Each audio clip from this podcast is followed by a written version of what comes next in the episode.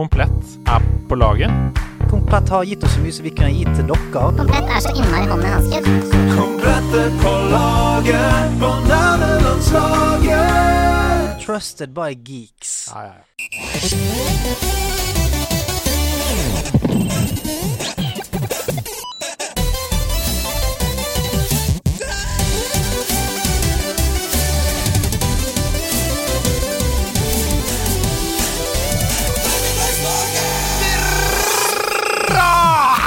Slimbobla ut av halsen. Dra krakken bort av glaset, rull vinduet ned og skrik at Tiertoget sier tut-tut! Velkommen til nok en episode av Nerdelandslaget. Og jeg sier ikke nok en men negativt fortegn, jeg sier velkommen til nok en! Litt sånn overrasket og glad, for det er ikke så lenge siden dere så oss i 73, 73 timer i, strekk. Snakketøyet er ikke helt i form ennå. Det er slim i halsen, det er i det hele tatt dårlig stilt. Alle henger rufsete på halv tolv, og en av dem med gangsperre og rosere kinn sitter rett overfor meg eget perch. Andreas Hedman. Milliontoget sier tut-tut. Og milliontoget sier tut-tut. Det sier tudeli-tut. Og milliontoget, det sier tut-tut-tut. Ja! Milliontoget sier tut-tut. Det er din catchphrase. Det er, Er det du det? som fant den på i de sene timer da vi var på vei til å gå ned fra vår um, veldedighetsstream klokken 17.55 Ja. søndag.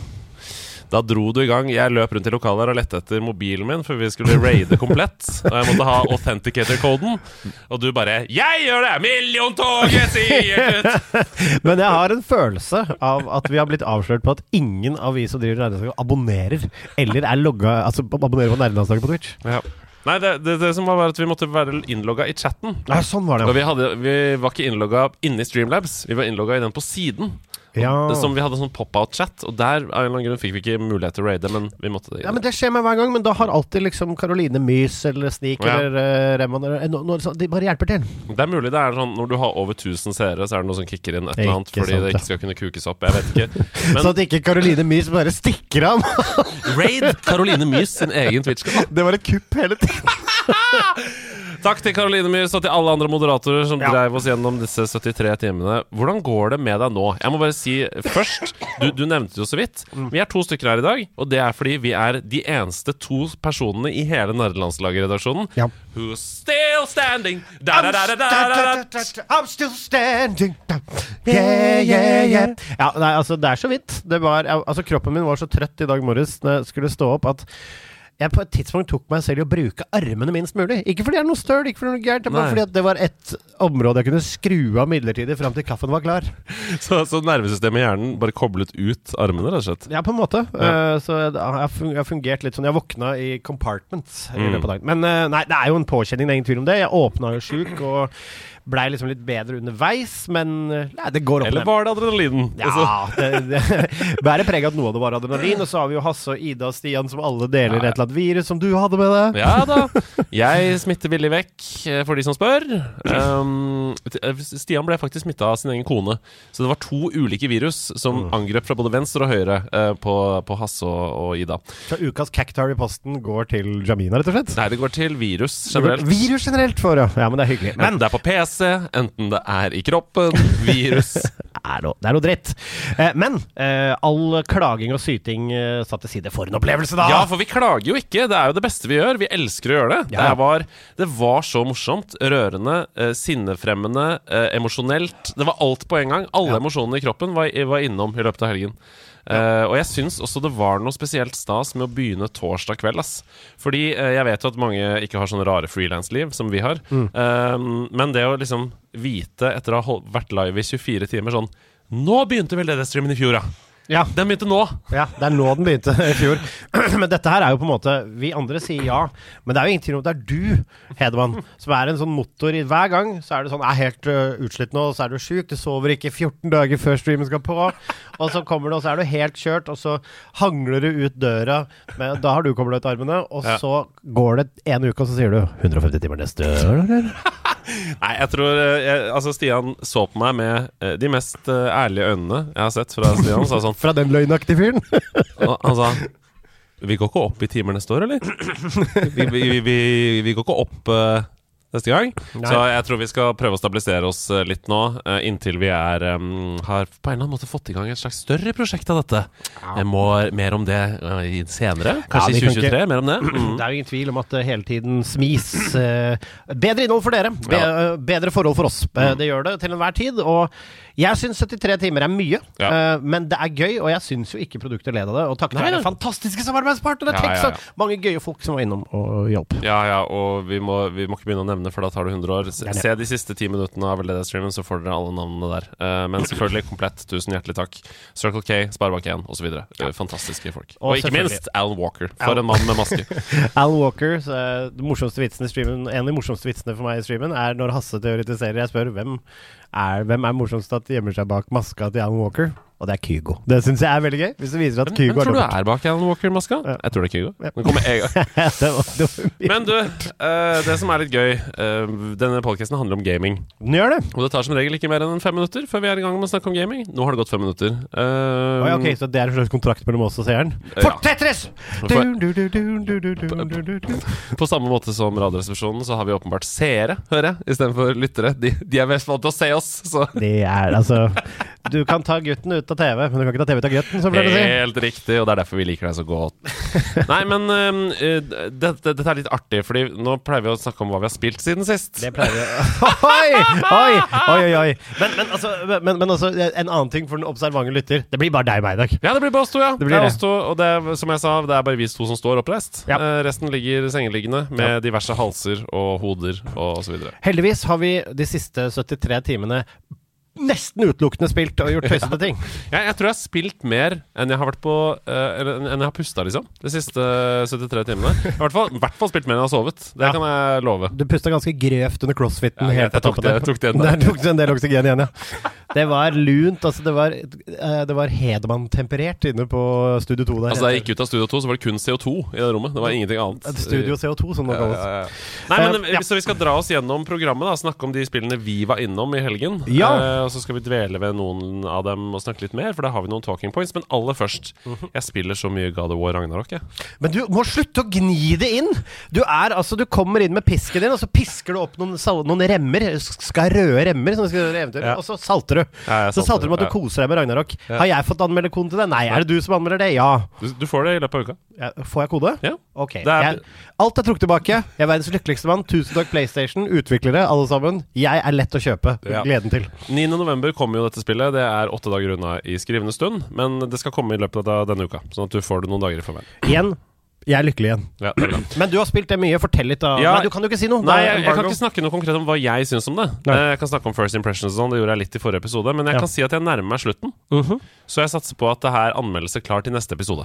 Det vil si at det kommer anmeldelse på release date, og det er jo helt rått. Og vet du hva? Det er der vi skal ligge. Ja, det er der vi skal ligge. Men og det er, det må jeg bare si, da. Du, du sa takk til PlayStation Norge litt sånn ironisk, men det, Jeg sa ikke det ironisk i det hele tatt! Jeg var gledelig takknemlig! ja, og i, dette er utelukkende Eneste grunnen til at vi klarer å ha dette uh, klart til release date, er av dere. Fordi vi får spillet en måned før release. Så det er fantastisk. Tusen, tusen takk. Setter veldig veldig pris på det. Det blir bedre innhold for lytterne, så takk for det. Og ikke minst bedre salgstall for dere hvis spillene som kommer ut, er bra. Ja.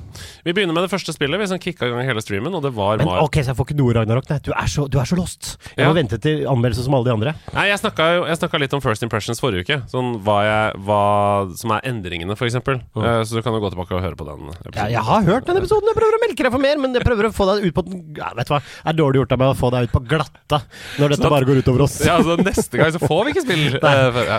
Nei, men vet du hva, da hopper vi i gang. Vi setter i gang med de 73 timene hvor vi har spilt mye, og hva er første, andre? Ja, Det første var jo Mario Kart 8. Du måtte jo gå hjem etter eh, starten der, for da var det fortsatt litt penicillinkjørt. Det var ikke litt penicillin. Jeg hadde tett oppunder 40 feber jeg, før jeg dro ut døra. Det er helt sjukt. Med tanke på hvor bra form du har dagen etter, så må du ha lagt deg i en sånn cryo-chamber eller noe sånt. Den, Du, jeg vil gjerne sende en stor takk til Ibux og Paracet for Ja. arbeidet de gjør i kroppen min. Nei, Mario Kart 8 det var kjempegøy. Og det er Jeg syns det er fascinerende. Dette spillet begynner å bli gammelt nå, altså. Mm. Det kom sammen med Nintendo Switch, vel, så det er vel sånn Hva er det, da? 2017 eller noe sånt? Eh, Altså, det er på mange måter Racingens Pong. ja. Jeg skal bare sjekke Mario Kart 8. Det kan godt hende det var enda litt uh, Nei, er det serr? Det kan ikke stemme. Hva da? 2014? Ja. Det kan ikke stemme. Det er en svunnen tid. Men Er det fordi det kom til Wii U, da? Først, og så har det kommet i deluxe-versjon på Det er nesten ti år gammelt. Det Det er er åtte år gammelt, det spillet. Jeg tenkte det. Jeg ser ingen måter det spillet kan bli bedre på. Det måtte eventuelt være flere baner, da. Ja, og det gjør de jo nå. Det er 48 nye courses som de shipper inn i DLC-er. Det, Det altså, det er et perfekt spill. det er et måter. perfekt Mario Kart-spill. Ja.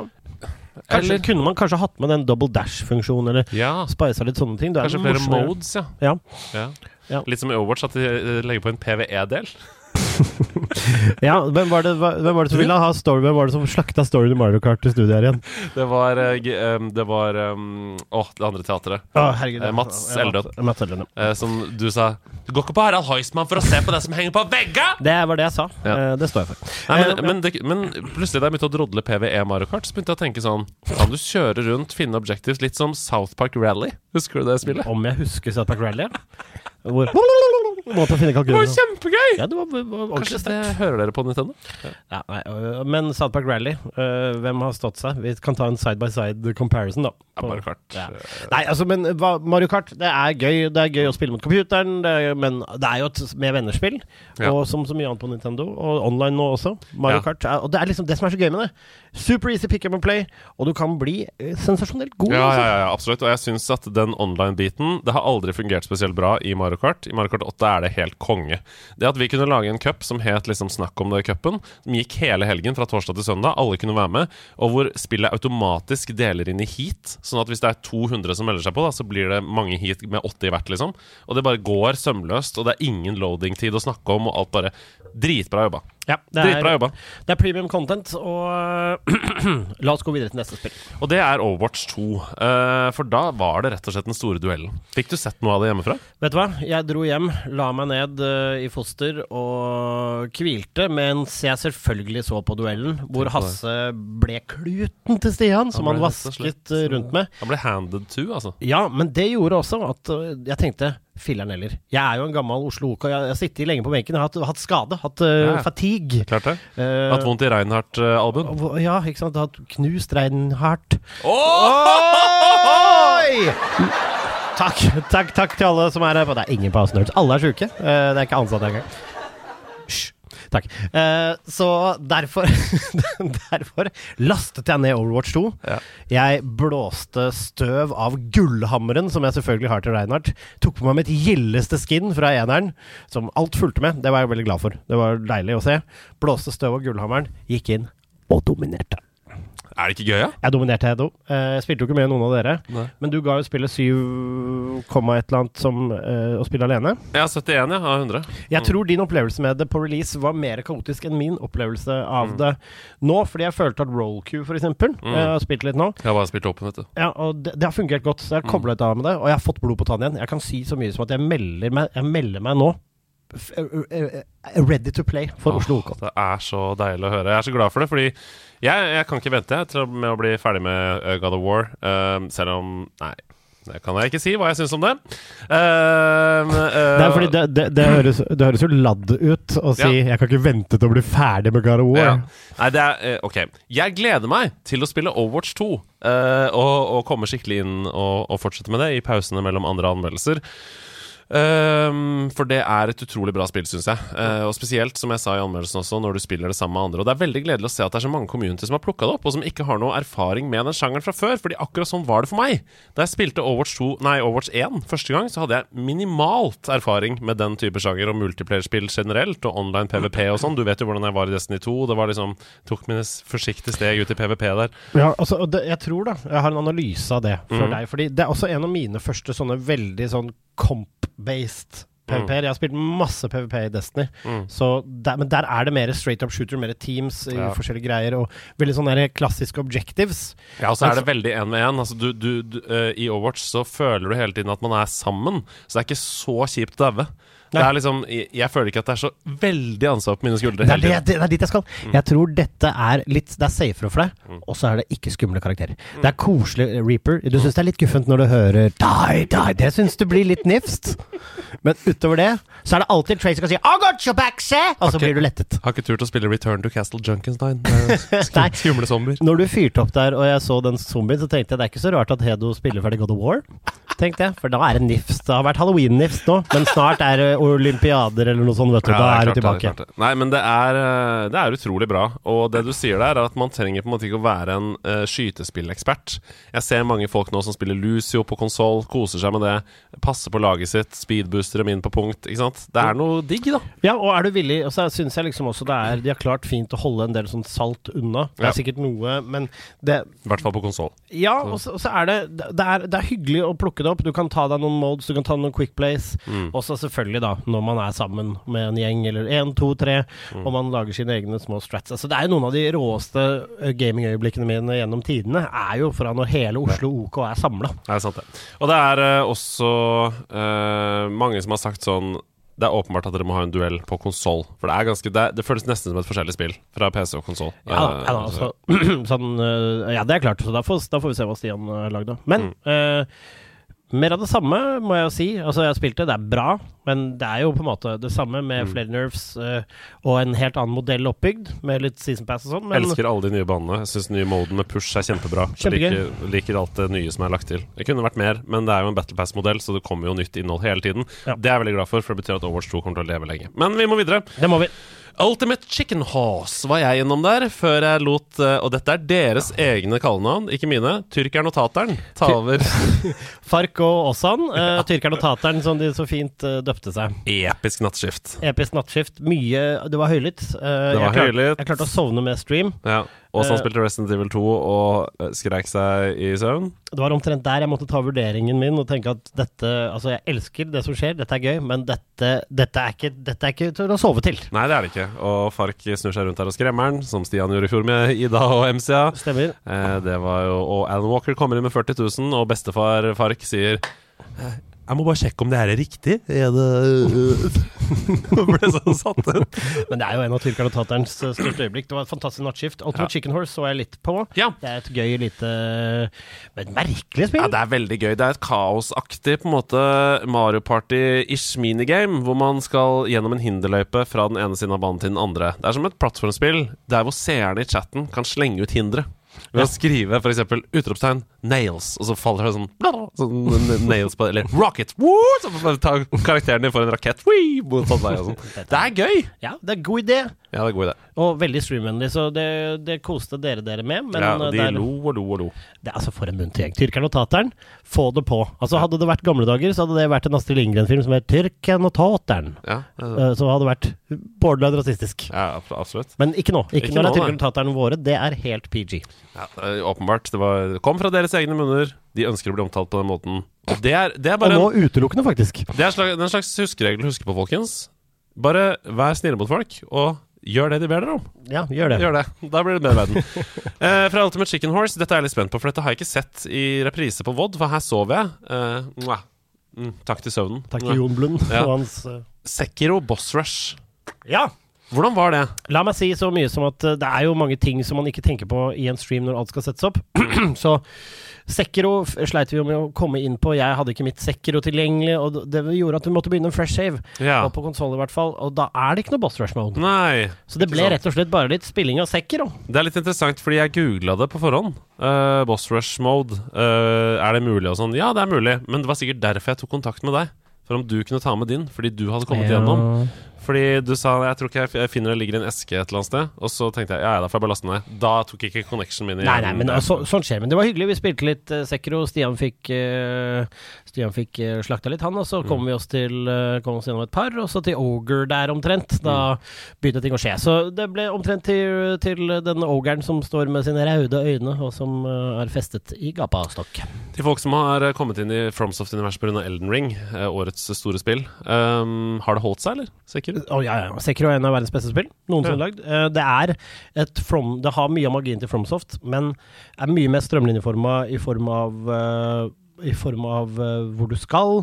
Det er litt mer rett fram. Det er en tydeligere historie i aller høyeste grad. Det er eh, også et gameplay som er mindre RNG. Mm. Det er veldig mye mer rytmebestemt. Det er mye mer parering, finne takta, finne Stances. mønstre. Mm. Stances og hjelpemidler og alt. Samtidig som du bevarer eh, den utrolig vanskelige vanskelighetsgraden og litt av mystisismen. Du kan finne, finne en bjelle, f.eks., på en åker som ikke sier deg noe som helst. Så hvis du slår i den, så blir spillet dobbelt så vanskelig. Og det får du ikke noe beskjed om. Den bjella er det første Det er det første du skal slå i. Get good, sier jeg. Og så slår jeg bare Vet du hva, jeg dæljer den bjella, jeg, hvis det er lov å si. Og det er altså sånne ting som jeg elsker. Og det er et fantastisk spill, og det er eh, kule bosser. Og absolutt mulig, hvis du har kost deg med Elden Ring, så er jeg ganske sikker på at du vil kose deg med Sekiro. Ja, det er, det er gøy. Ok, eh, fra Sekiro så gikk veien fort til PUBG. Da kom Kjetil Jansrud her, hadde tatt med seg pedalene sine og var klar, til å, var klar til å pike ut fra, fra hjørner eh, på sin egen Steam. Måtte logge inn på egen Steam, åpenbart. Ja. Ja. og han, det var jo altså PubG, det trenger vel ingen Det er jo the OG Battle Royale på Mm. mange måter. Og Jeg klarer, jeg, altså jeg digger det fortsatt, jeg. Det Jeg, jeg hadde glemt hvor kult jeg syns det er å se på. Fordi det er jo en veldig publikumsvennlig, et publikumsvennlig spill. Eh, ikke minst så kunne jo alle i chatten være med. Eh, og Stian og, og Kjetil gikk for en sånn ja, antall deaths og sånn. Eh, så skal jeg donere. Og da kaster selvfølgelig folk seg foran Kjetil for, for å ofre seg. det var så mye streamsniping der, og det er fantastisk gøy. Og jeg liker også at de røyker på 3700 kroner seg imellom. Absolutt. Og Kjetil var det godt eh, var, Altså, Kjetil Jansrud for en fyr. For en fyr. Og kommer i nerdelandslaget-merch. Ja. Han sier det er det eneste jeg går i. Så han gleder seg til det kommer nytt merch. Han etterlyser shorts. Han har fått shorts! ja, ja, ja, ja, han etterlyser mer av det. Mer shorts. Og så fikk han snakk om det merch, og det var veldig glad for. Fordi Ja. nå Altså, det er det eneste han går i. Det, vet du hva, det, det blir jeg så glad for. Han, Ja. han er jo en fyr som har vokst opp i mye spons, Ja, ja. så det er fint. Men er en, han leverte harde pakker. eh, Det var uh, good games. Han Mm. hadde med seg pedaler som han kunne lene seg ut av kanter, så han spilte barbeint Nei, spilte i sokkelesten. Var det Magnus, han kompisen hans het, som var med, med covid? Ja, da kom covid-Magnus inn, som ble hans nummer to. Som på konstant delay svarte på ting sånn 20 sekunder etter du hadde spurt. Ja, for han også- hørte jo bare lyd fra streamen. ja, så det var gøy. Og Ja. da ble det jo også Dette syns jeg er veldig gøy, fordi Kjetil ble jo da med på fremførelsen 'Vi nådde målet for erotisk novelle', eh, som jeg skrev. Og det er jo en romantisk, uh, sært romantisk bra. historie mellom deg og Stian, Mm. hvor Kjetil på en måte også er med. Ja. Og det gjorde at på vårt nattskift den samme natten så kommer altså før, rett før leggetid Det er seint, Kjetil sitter fortsatt oppe og ser på. Ja. Og så har han skrevet egenerotisk novelle. Inspirert. Han skrev et føljetong. Der er vi der vi skal være! Ja, det var så bra. Og det var så viktig for oss. Det trengte vi på det tidspunktet. Det trengte vi, og den var grov òg. Ja. Det For det var etter at det første uh, Eivind Rimstrøm-kjøret hadde, hadde, gitt, din, ja, hadde gitt seg. Og da fikk, da fikk Kjetil Landsrås opp igjen etter det kjøret. Ja, men det var fint. eh, PubG, et, uh, herlig, et herlig segment der, altså, Ja. med, med lagets egen. Veldig, veldig gøy. Og jeg må bare si tusen takk til alle som stelte seg rett foran Kjetil og gjorde gymnastikkøvelser og sånn for at han skulle få drept dem gratis. Det er uh... Ja, altså, den eneste vinneren i den kampen her, det var Metallers Ungdom. absolutt. Videre og det, jeg tror ikke det har vært noe større sprik noensinne. For det neste som skjedde, var The Godfather på PlayStation 2. Okay. Med Cecilie Ramona okay. Som er noe av det morsomste jeg vet om. Uh, Det var så gøy! eh, Cecilie Ramona kommer inn og har Da har jeg ikke spilt det på veldig veldig mange år, men husker dette som en av sine store spilleopplevelser. Det går fra Fra hun setter seg ned og begynner å spille Gudfaren, så tror jeg det går fire minutter før hun kommer med en uforbeholden unnskyldning for at hun har valgt dette spillet. Ja. For dette er jo uhorvelig dårlig. Men det var veldig gøy å se på. Og, og bare det at hun ikke greide å gi karakteren det navnet du skulle, sånn at den ble til X. Fordi ikke greide på håndkontroll. det er så mange ting som, altså, det, er sjelden noen snakker om favorittspillet sitt. Altså, det er klart, Ting blir ikke sittende i hendene og, Nei, nei, nei. lenge, men det er sjelden du hører noen snakke om favorittspillet sitt, og så kan de absolutt vitterlig ingenting. Nei, men det var veldig Altså, med en gang man kommer ut i uh, åpen verden-aspektet av The Godfather, så ser du jo at det er et spill sånn som GTA3, eller sånn som Mafia, f.eks. Det er en åpen verden, du kjører rundt i biler, uh, og du skal canne folk og gjøre missions. Den eneste store forskjellen er at du skal ta over sånn som man gjør i Godfather. Du skal jo kontrollere ulike eh, aspekter av byen, ta over lokale bedrifter og presse dem for penger. Og det ble veldig mye av det. Ja, fordi vi kom aldri videre. Uh, mye fordi det var umulig å skjønne, men uh, også fordi man skulle ta bedrifter. Men det var umulig å skjønne helt hva man skulle trykke på, og Ramona husket ikke. Så jeg, på et punkt der så tar jeg over litt, da, for at Ja, skal få litt hvile. For hun er nå så irritert på dette spillet. Men det var vanskelig. Altså, Ja. jeg finner da en Jeg finner da en barber. Eh, av noe slag, eller sånn herreekvipering. Så jeg går inn der, tar tak i han fyren som skal drive sjappa, og så kaster jeg han ut av vinduet. Vet ikke hvordan jeg gjør det, men jeg gjør det. Og så går jeg ut og tenker nå skal jeg presse han for begge, men jeg får ikke til å presse. Så det som skjer, at jeg prøver å trykke alt, liksom. Til slutt tar jeg bare tak i han og kaster han inn igjen av andre vinduet. Og så kommer jeg inn på siden, og så tenker jeg sånn OK, så kommer jeg nærmere en knapp hvor det står 'extort', og så kveler jeg han bare til han dør. For jeg får ikke til å slippe. Skjønner ikke hvordan han slipper. Og det var også veldig gøy. Det, skjedde, det der skjedde en annen gang òg. Det var sånn eh, Det var noen skoleungdom som hadde oppført seg rampete Ja. så, i nabolaget. Ja. Så Sånn college kids med collegejakker. Ramona skulle bare ta tak i en og dytte opp mot en vegg. Drept den. ja, men det er det som skjer. Og det er sånn Heat! Ja. Oh, masse heat! Så Ja, men så han barberen, han er nå død. ja. Men det står fortsatt en fyr ved kassa. Så lurer tenker, på Kan du stusse skinnskjegga mine? Som er ikke i connection med håret! Ja, tatovert på På denne albino-italienske Ja, ja, ja, karakteren. ja. Men altså, det spillet hadde ingenting, men allikevel alt, og det var Ja. et eh, godt segment. Godt øyeblikk. Vi skal videre til Mario Party Superstars. Um, da måtte jeg kaste inn håndkleet. Skulle egentlig være med på starten der, men fikk lov til å sove litt ekstra time fordi Hasse var så elskverdig og sa jeg tar litt ekstra. Uh, du kan få hvile, du har nytt nattskift. Uh, du har hatt ett allerede. Uh, og Mario Party Superstars, vi trenger ikke snakke så mye om det, annet enn at det er det åpenbart beste Mario Party som er lagd noen gang. Ja, eh, vi, Da var det jo Mental Helse Ungdom-mannen som vant uh... Ja, sammen med Komplett var der også. De Ja, spilte sammen mot hverandre. Og Komplett smalt i bordet og sa 'Vi gir' Hva var det de sa?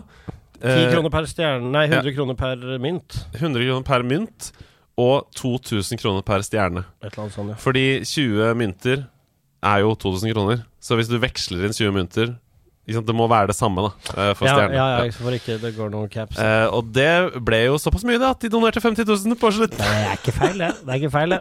Men det var utrolig gøy å se på. De spilte også Peach, uh, Peach's Birthday Cake, som er en stor favorittbane for mange. Mm. Eh, og det geniale med Mario Party Superstars Jeg lagde en sidequest forrige dag med Anders Løland, som var de beste Mario Party minigames gjennom tidene. Ja. Veldig gøy sidequest. ja. Ehm, og nesten alle de som vi har trukket ut der, er jo med i Mario Party Superstars. ja, for det er en sånn best of Mm. Det er det Superstarsene er. Og det er så koselig, for når du går inn i et minigame, så står det da f.eks. Mario Party 6 står det ved siden av. Og så ser du sånn grafikk fra den tiden og sånn, men det er jo remastera inn i nye Og der tok jo også Community av, Fordi på et punkt der så vinner jo Donkey Kong. Mm. Så litt sånn imprompte så begynner alle å synge. Begynner Stian og Hasse å kjøre DK! Brown, Donkey Kong! Ikke sant? Den Ja. DK-rap. Og da kom chatten at det doneres 300 kroner eller hva det nå var, hvis hele kom. Ja, Så vi fant fram teksten. Det er en lang rap, det! Ja, ja, det, rappet, det ble rappet og rappet, og det rant inn med donasjoner, som var veldig hyggelig. Men for et spill. Veldig gøy. Det neste, også et utrolig bra spill. Fall Guys. Ja. Um, Fest og moro. Fest og moro. Og er det noe jeg har skjønt, så er det at man må aldri spille Fall Guys med utelukkende folk fra nederlandslaget. Nei. Det er så høyt nivå. Nivået er skyhøyt. Det er så høyt nivå. Altså, når jeg spiller det til vanlig, med bare randoms, så har jeg en fair shot for å få krone i nesten hvert game. Jeg har ikke sjans. Oh, Men jeg har det. hvert game? Ja, jeg har det, altså. Dæven. Eh, men det er fordi jeg er lavt nede i ranking. Jeg har ikke spilt det så mye. Um, men, men i Altså, jeg kommer ofte til topp ti, da, kan du si. Mm. Eh, men, Er det hårreisende at det ikke er mulig med split screen? Ja, det er kanskje Lokalt? litt hårreisende. Litt hårreisende. Litt. Eh, men i, men i nerdelandslaget-sammenheng, der hvor det åpenbart virker som alle har 70 kroner hver, Mm. så var det ganske hardt, ja. Mm. Men jeg tar vel ikke feil hvis jeg plasserte best av alle under det. Eh, du gjorde det sterkt, ja. Ble nummer seks. Ja, på et det, jeg tror det var det beste. Ja. Og så der er det jo Det er jo et hinderløperspill som nå har fått mange flere baner. Så hvis Mm. ikke du har spilt det siden release, så er This is the time. Veldig gøy på fest. Pass the controller og bare ha det gøy. Mm. Ja, nå er det bra, altså. Og grunnen til at det er bra, er fordi det TV-produseres. Altså det produseres som et gameshow. Mm. Sånn at hvis du ryker ut, så er det fortsatt gøy. Mm. Du kan veksle mellom de forskjellige spillerne og se og ja, ikke sant. Så det, det er Eller du kan drite i det, da, hvis du spiller hjemme og ikke ja, vil se på. starte et nytt. Hvis du vil. Good eh, times. Good times. Så er det et spill som jeg har lyst til å spørre deg, for vi har aldri reflektert over dette. Hvorfor er det så gøy med Marbles on Stream? Altså, jeg tror det er mange faktorer i Marbles on Stream. Det er en av faktor, altså Rent spillmessig så er det jo det at du det er bare et race. Du bare ser på kuler som racer, og du kan Mm. melde deg på et chat. Og så er det jo selvfølgelig måten vi gjør det på, da, med giveaways til en av plasseringene. Det er jo gøy for folk. Du Ja. kan reelt vinne noe substans med å bare trykke utropstegn play i chatten. For vår del så tror jeg det er gøy, fordi det er en slags improvisasjonstest på å holde snakketøyet i gang Ja, ja. om noe som bare kommer rett fra hodet. Så jeg syns det er gøy, fordi det, når vi sier det, så er det første gang vi hører det selv. Ja, jeg, jeg syns også det vi gjør, er veldig gøy. Det er jo som driver med improteater, liksom. Vi, vi spiller hverandre opp og, og gir hverandre Hva er det som er spesielt med disse trærne, Andreas? Ja. det, det er gøy, liksom. Ja, for de som ikke vet dette, da, så til lyttere som kanskje ikke har sett streamen eller sett oss gjøre det, så har jeg og Hedo en greie som har gått litt sånn som en farsott på litt forskjellige streamer som vi har gjestet over våre egne, som er at vi kommenterer det som om det er en ekte idrett, eller som, Mm, som om vi kan liksom. masse om det, Mm. og om stedene der og så videre og så videre, da. Som på en måte er en liten showpiece, da, vet du. Kommer ofte tilbake til Chisinau, hovedstaden i Moldova. Chisinau, ja, det er jo en av de mest pikselerte stedene vi har i i verden, kan vi se her. Og uansett hvor mye du prøver å gå nærmere, så fins det ikke perspektiv i Chisinau. Si litt om det, Andreas. Sånn går, Sånn er det, ja. sånn går uh, dagene. Og, det, er, og det handler om å finne vanskelige utfordringer. Det er sånn, ja, og der borte kan vi se selveste det vi kaller Chisinau-snoppen, Andreas. Og hva er historien bak? Nei, altså snoppen snurrer, som de pleier å si her i Chisinau. Det gjør de. Og, så er vi, Og da er vi i gang. Så går det kveldene. Det tror jeg er det vi syns er gøy med Marbles on Stream. Og ut ifra hvor mange som fortsatt ser på det, så kan det hende at de syns det er gøy, de også. Ja, Men selve spillet i seg selv, altså klinkekuler som går ned en bane, det er jo noe man har drevet med siden tidenes morgen, liksom. Enten det er flaskeløp på snø, eller Var det om det det første som skjedde? Ja, at man prøvde å rulle ting. Trappetroll før det var trapper. Ja, prøvde å rulle ting framover for å se hva som skjer.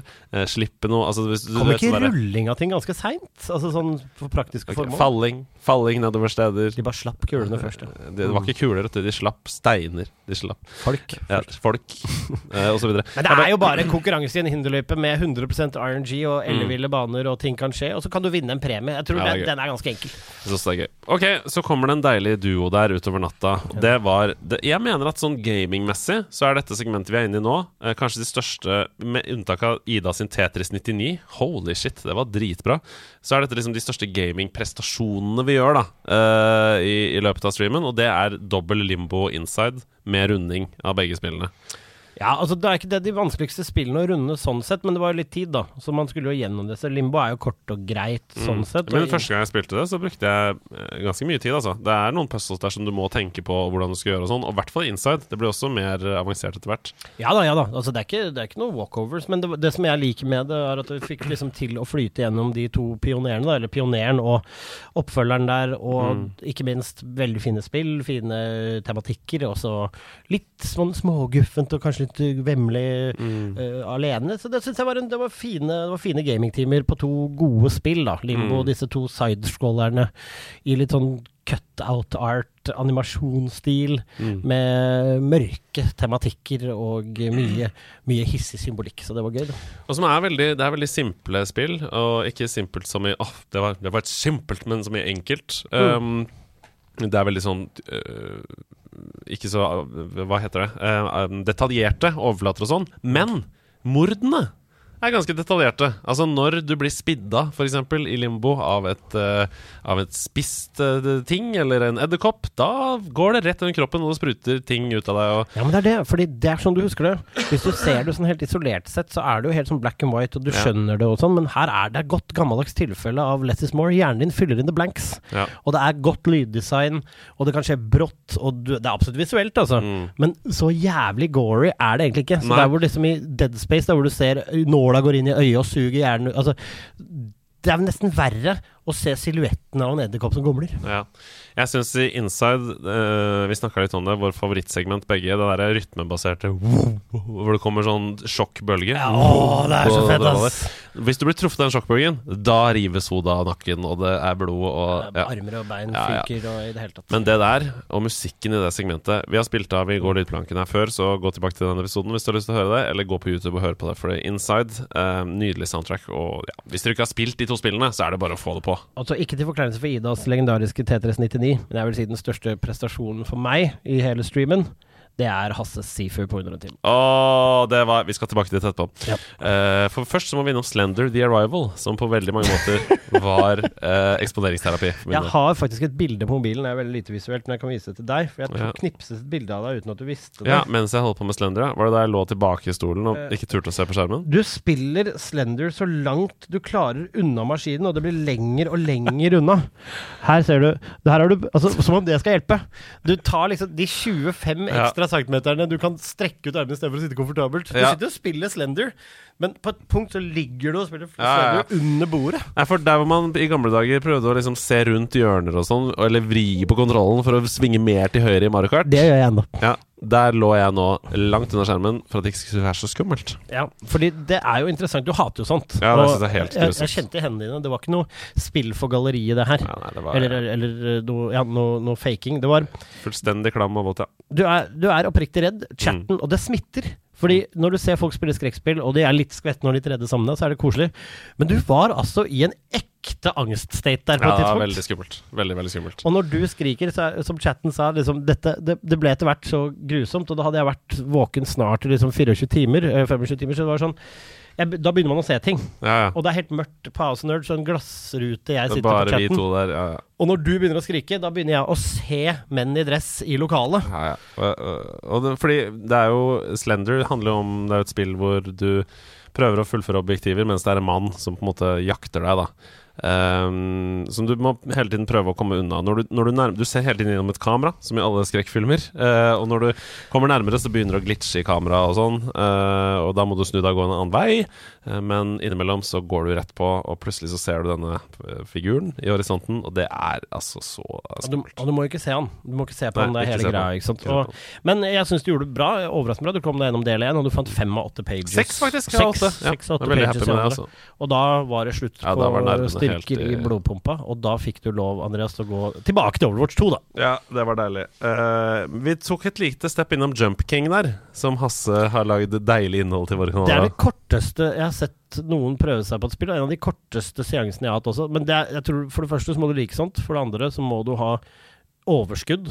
Ja. Og det begynte å gå tomt på tanken for oss begge da. Ja, og Jump King er jo et spill som skal være frustrerende. Du skal klatre oppover i, ved å hoppe der fra plattform til plattform oppover. Uh, og det er vanskelig. Du må time hoppene riktig, og hvis du bommer, så faller du helt ned til bånn ofte. Um, problemet er at da jeg så på Hasse, så trodde jeg at det var hold inn en hoppeknapp, og så har du karakteren din snudd den veien du vil hoppe. Da tenkte jeg sånn Det kan ikke være så frustrerende, for da er det jo fort å komme tilbake igjen. Men du må fysisk, idet du trykker på hoppe, trykke inn høyre eller venstre knapp også. Og det vil si at hvis ikke du gjør det, så hopper du rett opp og ned. Eh, og den timinga der Ofte så er det millimeterpresist, ikke sant? Som betyr at du må begynne å gå før det steget du skal hoppe. Og det var så dårlig lagd. Altså Akkurat den greia der var bare Det var så dårlige kontrollere. Det er gjort med vilje, fordi det hadde vært for lett, vet du, ellers. Ja, nei, det var utrolig jeg, jeg trodde ikke at spillet var dårlig lagd. Jeg trodde det bare var frustrerende. Det er ikke dårlig lagd. Det, det, altså, det der er et spill mange liker. Det er jo Ja. en kultklassiker. Og det er jo Det er som Quop, da. Det er ikke et dårlig lagd løpespill. Det er, et, det er, ikke, det er et tøysespill. Men jeg, bare, jeg liker uh, mestringsfølelsen i Rayman og i Mario. Når du kommer inn i en smooth uh, Og du vet, du vet distansene. Altså, Ja, men du liker tilgjengelighet, du, Andreas. Jeg er helt enig i at presisjon og tilgjengelighet og alt det greiene der, Jeg liker å lære meg hva et hopp er. men det kan du gjøre her også. Ja. Gå på internett og se. Altså, jeg tok en liten kikk på bare folk som er helt sånn savante i det. Mm. Det er åpenbart mulig å lære seg. Ja, ja, men du kjente det, du òg? Etter tre hopp? Jeg ble forbanna etter tre hopp, jeg. Ja. Da vil jeg hjem. Så det, jeg, jeg sier ikke at jeg digga det, jeg sier bare at det er for spesielt interesserte. Det neste spillet vi spilte, er en god idé å spille på stream. En dårlig idé å spille klokka seks om morgenen. Crab Game. Altså, crab game med tre stykker det er det dummeste jeg har sett. Jeg husker at det, det, det her på et tidspunkt så, Da ble jeg rasende. Jeg har sett litt crab game og syns det er gøy. Jeg syns crab game er oppskrytt, Andreas. Ja. Jeg syns ikke det er så gøy, jeg. Jeg, jeg syns det var veldig gøy da Squid Game kom. Fordi det var jo akkurat de samme øvelsene som de gjorde i Squid Game. Eh, Du skal gå på de der platene som knuser, og du Ja, faller det, gjennom og sånn. vi fikk jo aldri sett noen av de gøyeste. Vi bare løp rundt i et lite rom og kastet snøball på hverandre og hadde skjerf uh, rundt halsen. Og vi var tre personer. Uh, det er gøy når du har en full lobby. Jeg har streama det med nederlandslaget før og vært full lobby. Det er kjempegøy. Og det er sånn Og folk kommenterer, og det er sånn ah, 'Du er s- sus, sus, sus', og så blir det Among us-stemning, og det er gøy. Uh, Ja, ja, nei, men altså At spillet har en egenverdi, det tror jeg nok på, men uh, var det litt uh, hypete i sin samtid? Hvem vet, kanskje det fortsatt har livets rett. Det var i hvert fall klokken seks om morgenen med tre påmeldte. Ikke det råeste jeg har vært med på. Og da kan vi vel forstå bakgrunnen for at det neste, nemlig frokostshowet ditt, ikke var høyt i taket. For her hadde du fått eh, på tre på rad, så hadde du fått Jump King og Crab Game før du skulle Altså, jeg, var, inn i jeg var så sliten. Jeg var genuint Jeg var sint på ordentlig. Jeg var sint inni kroppen min. Jeg hadde sinne, raseri, Andreas, under frokostshow. Men eh, jeg bare sier det, det, det frokostshowet ligger i sin helhet på YouTube, og den øverste kommentaren er 'Dette er comedy gold'. Så Ja, okay, okay. ja, det, det, det, det er hyggelig. Det er hyggelig at folk kan sette pris på det. Jeg husker fint lite av det. ja. Dette var enda verre enn forrige frokostshow. Ja. Forrige frokostshow var jeg trøtt, og så får jeg overraskelse at det skal være en time. Mm. Men jeg, da er jeg overtrøtt lattermild. Mm. Her har overtrøttheten Den har allerede utspilt seg. Ja. Nå er jeg sint. ja, Du føler at du sitter i fengsel. Jeg vil hjem. Jeg vil ikke være her. Eh. Dere, dere holder meg mot min vilje. Og det skjønner jeg godt. Man kan komme dit.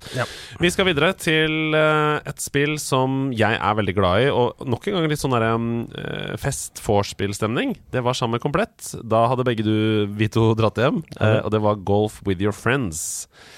Eh, vi rakk akkurat å stikke innom det. Uh, jeg rakk akkurat å liksom se litt rann før jeg dro. Det er derfor jeg tok det opp. Har du spilt det noe særlig? Nei. For det er jo minigolf, men det er det, på en måte det beste minigolfspillet som er der ute som et partyspill. Mm. Det fins mye sånn dritt med dårlig fysikk og sånn. Og så, åh, det, det Jeg har, er se, jeg har sett det, altså. Jeg Ja. vet hva det går ut på. Uh, Men det der funker veldig bra.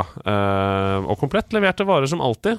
Kjempeflinke til å streame, rett og slett. De har fått mye trening og streama masse sjøl, så kommer til gitt oss utrolig mye som vi kan gi til dere. ja. Og de, Nei, men det var veldig gøy. Og de var flinke, og de kom med en etterlengtet energi inn i rommet, uh, sammen med da Ida og Camilla Altså, en etterlengtet energi, eller bare energi generelt, da, som det heter. Nei, det var det, det, Smilet gikk over hele Norges land idet de kom inn i Det gjorde det. Jeg fikk med meg et eller annet Jeg har vagt minne å ha hørt noe av dette, for jeg sovner ofte med streamen på mobiltelefonen. Fordi Mm. det er en Man får noe som heter fomo Du får en helt sånn merkelig fomo Ja, ja. når man er i dette moduset her, fordi man føler at man må ha referansene på ting ja. når man kommer. Så Helt man, enig. Så man hører på det. Man lever litt i bobla selv om man slapper av sånn. Man har Mm. det på Jeg hørte på det mens jeg spilte andre ting eller lå og slappa av sånn. Så jeg hører på et eller annet tidspunkt at Camilla skal hjelpe um, Johanne? Johanne ja. Og så slår hun et slag eller sånt. Har en vag formening om at hun skal lære henne, men leverer et dårlig slag. Et eller annet sånt som skjer. Ja, Og da merker du at det er konkurranse her òg, ja. ja, ja. Og Johanne greide to ganger å slå ballen til Camilla i hullet. Så at Camilla vant. ja. Det, er, det, er, det, er, det er styrke. Go for your friends der, altså. Ja. Det neste eh, er nok et natt, nattlig segment. Noen av dine favorittspill. Little Nightmares Ja. 1 og 2. Spilte både 1 og 2. Ja, um, det er ikke lenge siden uh, spilte en del Little Nightmares 2 igjen på hjemmebane. Em, to fantastiske spill. Du sliter jo litt med perspektiv uh, i det Ja. spillet, Andreas. Mye bedre i det andre spillet enn i det første. Det De har, gjort, de har gjort store ting der for å gjøre det bedre. Um, jeg uh, ga kontrollen til Aslak Klokkismann Maurstad Ja. på Little Nightmares 2 på natta der. Ja. Um, og han Det er utrolig fascinerende. En, en fyr som er så god til å spille ting, og god til å spille PC-spill, hvor dårlig man kan være med en håndkontroll. Ja. Little Nightmares 2 Det var som å se en person spise med kniv og gaffel for første gang i sitt liv. Neimen, så koselig. Det, vet du hva, det var litt godt å høre. Ja. Det er sånn Hvordan holder jeg dette tauet? Hæ? Hva, hva mener du?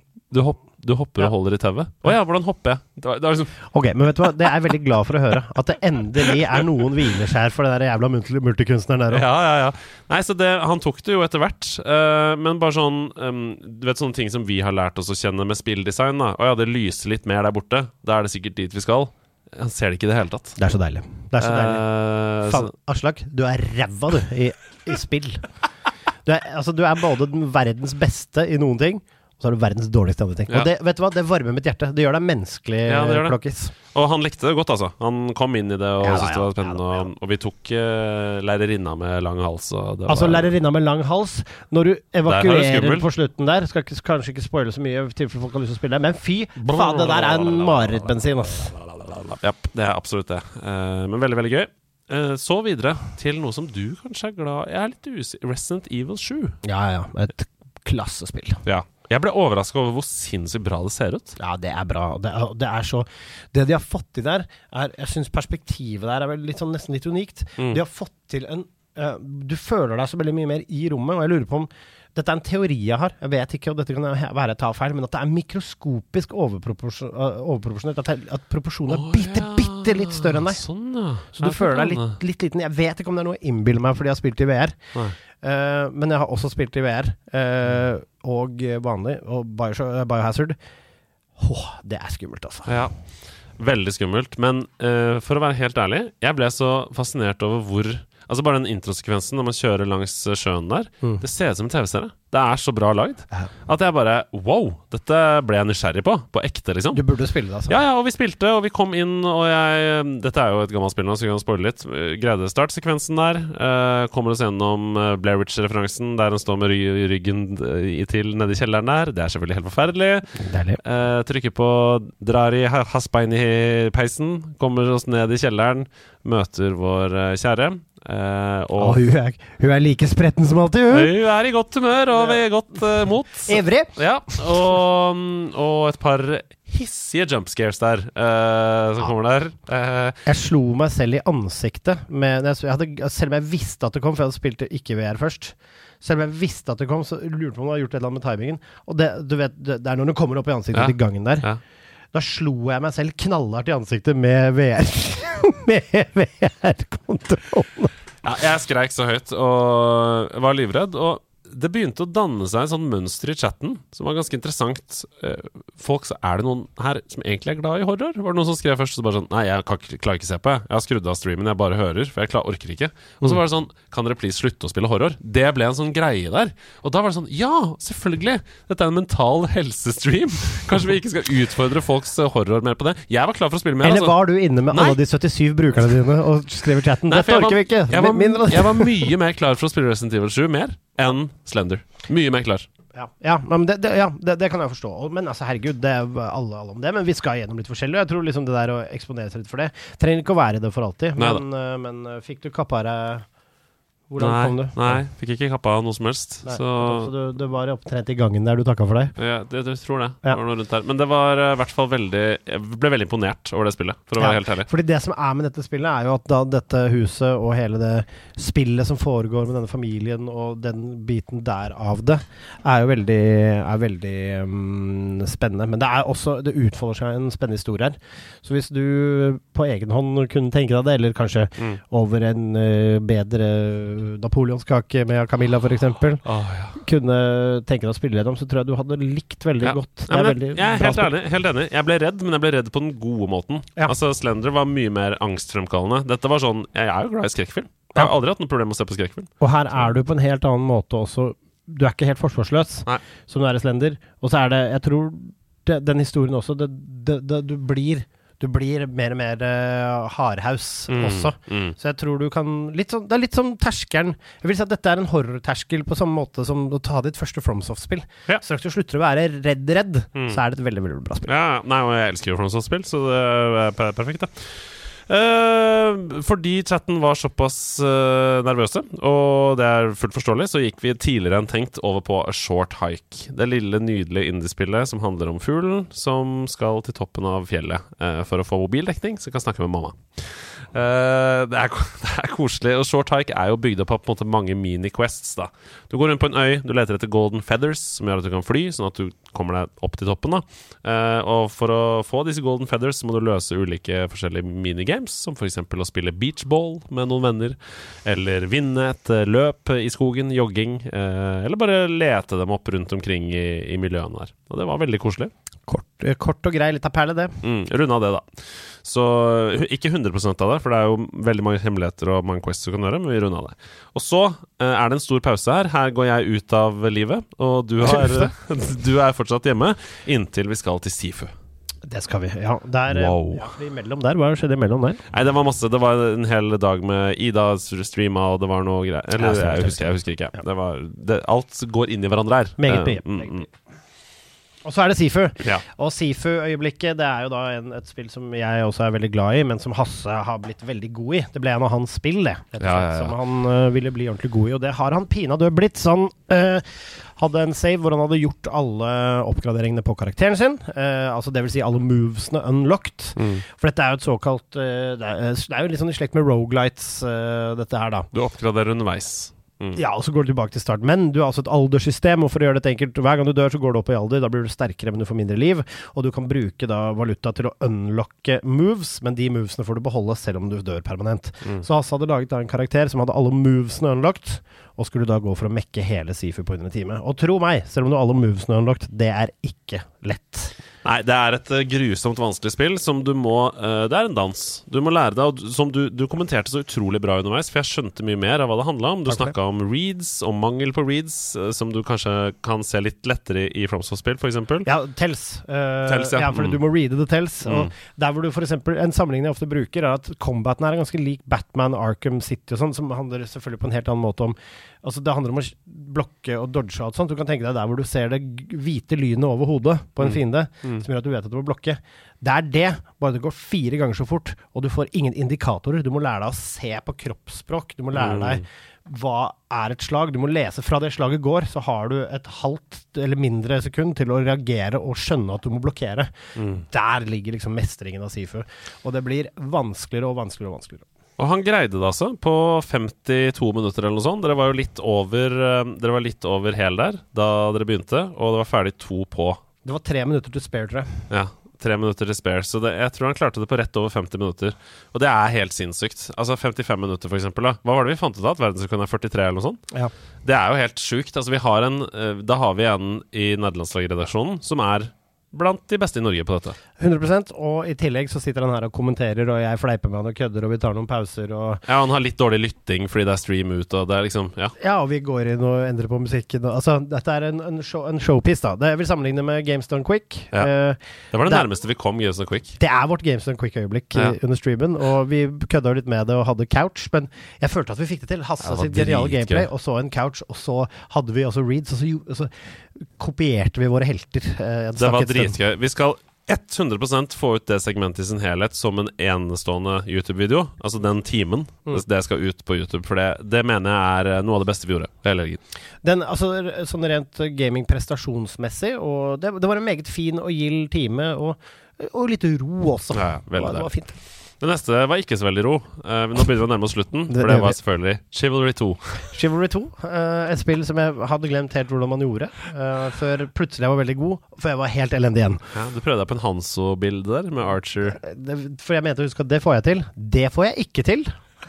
Eh, så det var jo egentlig jeg og Hasse som bytta på litt kontroll der før han skulle i dåp. Så han hadde pynta seg så det så ut som det var bursdag.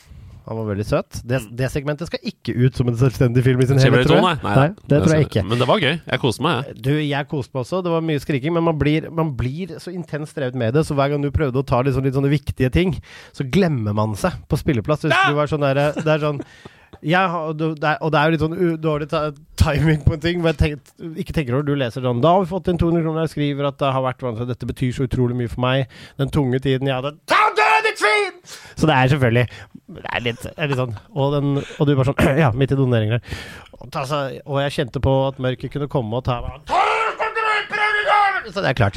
Det var et rart hørespill for alle involvert der. Jeg likte det godt, jeg. Og det er jo et veldig kaotisk spill. Uh, mega massiv multiplayer-spill. Um, stor slagmark der hvor to lag går mot hverandre.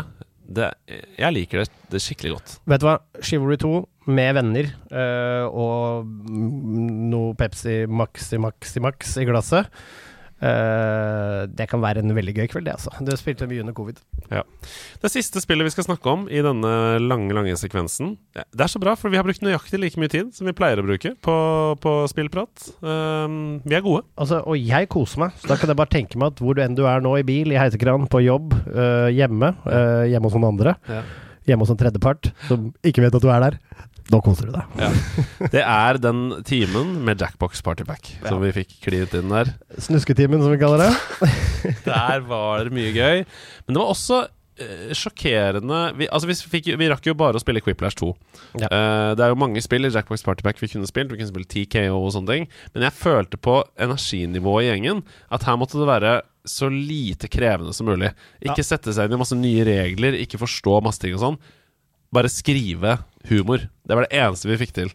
Med varierende Barely. Uh, ikke Ja, sant? ja. Så, uh, men likevel, selv om vi var så på felgen, så var det også intelligent her.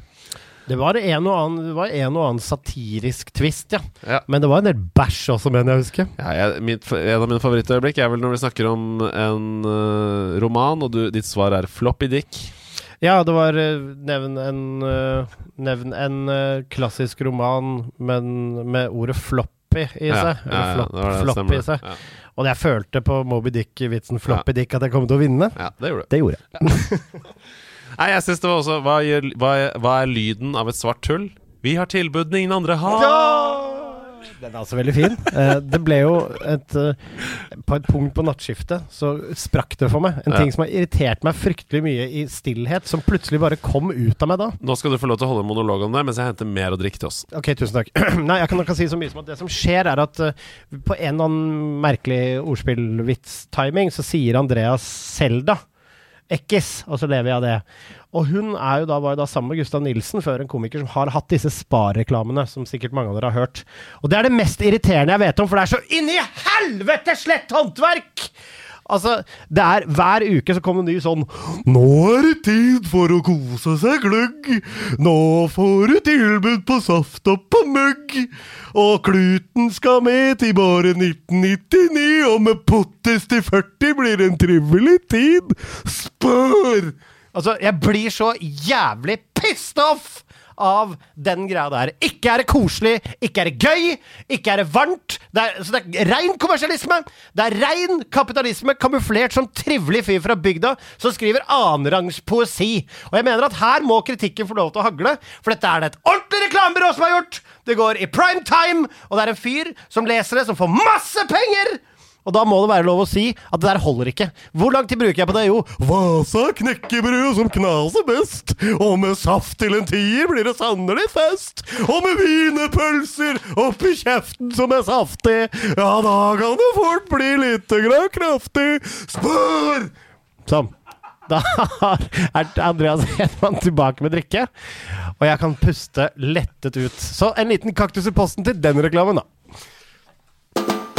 Ha med, ha med dag. Hey, hey. Ha med, ha med dag. Ha med ting etter ditt behag. For det er ha med dag. Å, herregud, Andreas! Hva er det som skjer her nå? Hva skjer her nå? Vi kommer til å ta dette konseptet her i en annen retning nå!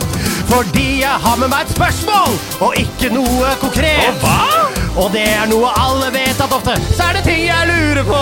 Og jeg skal følge opp spørsmålet ditt med en fysisk ting. Fysisk Det er spennende. Er det selveste tingeling? Kan det være tingeling? Eller har jeg tatt en pose og putta Petter Pan oppi den? Hei! Er det kvinner eller menn? Ja, for det jeg har med deg. Nå også med spørsmål. Veldig bra tillegg på slutten. Tusen takk. Ok, du har med deg et spørsmål i har Ja, men jeg føler at uh, det er naturlig å begynne med den som faktisk har med fysisk ting. Det er ikke det, skjønner du. Det er ikke det. Nei, det er naturlig å begynne med spørsmålet. Ok, greit. Vet du hva? Der strides de naturlærde, men du har litt mer naturlig enn meg. Ja, Eh, du, jeg har med meg et spørsmål, Andreas. Fordi Ja. jeg, etter eh, streamen, eh, så eh, Det kommer snart et nytt Zelda-spill. Ja. Ja. Eh, Tears of the Kingdom. ja, jeg er veldig glad i Nintendo Switch min. Mhm. Den bruker jeg til alt. Det er ferie-go-toen min. Det er det hele. Jeg har er farlig nær å gå rett ut av studio her på vei til neste jobb, men å gå innom og kjøpe meg en Nintendo Switch OLED.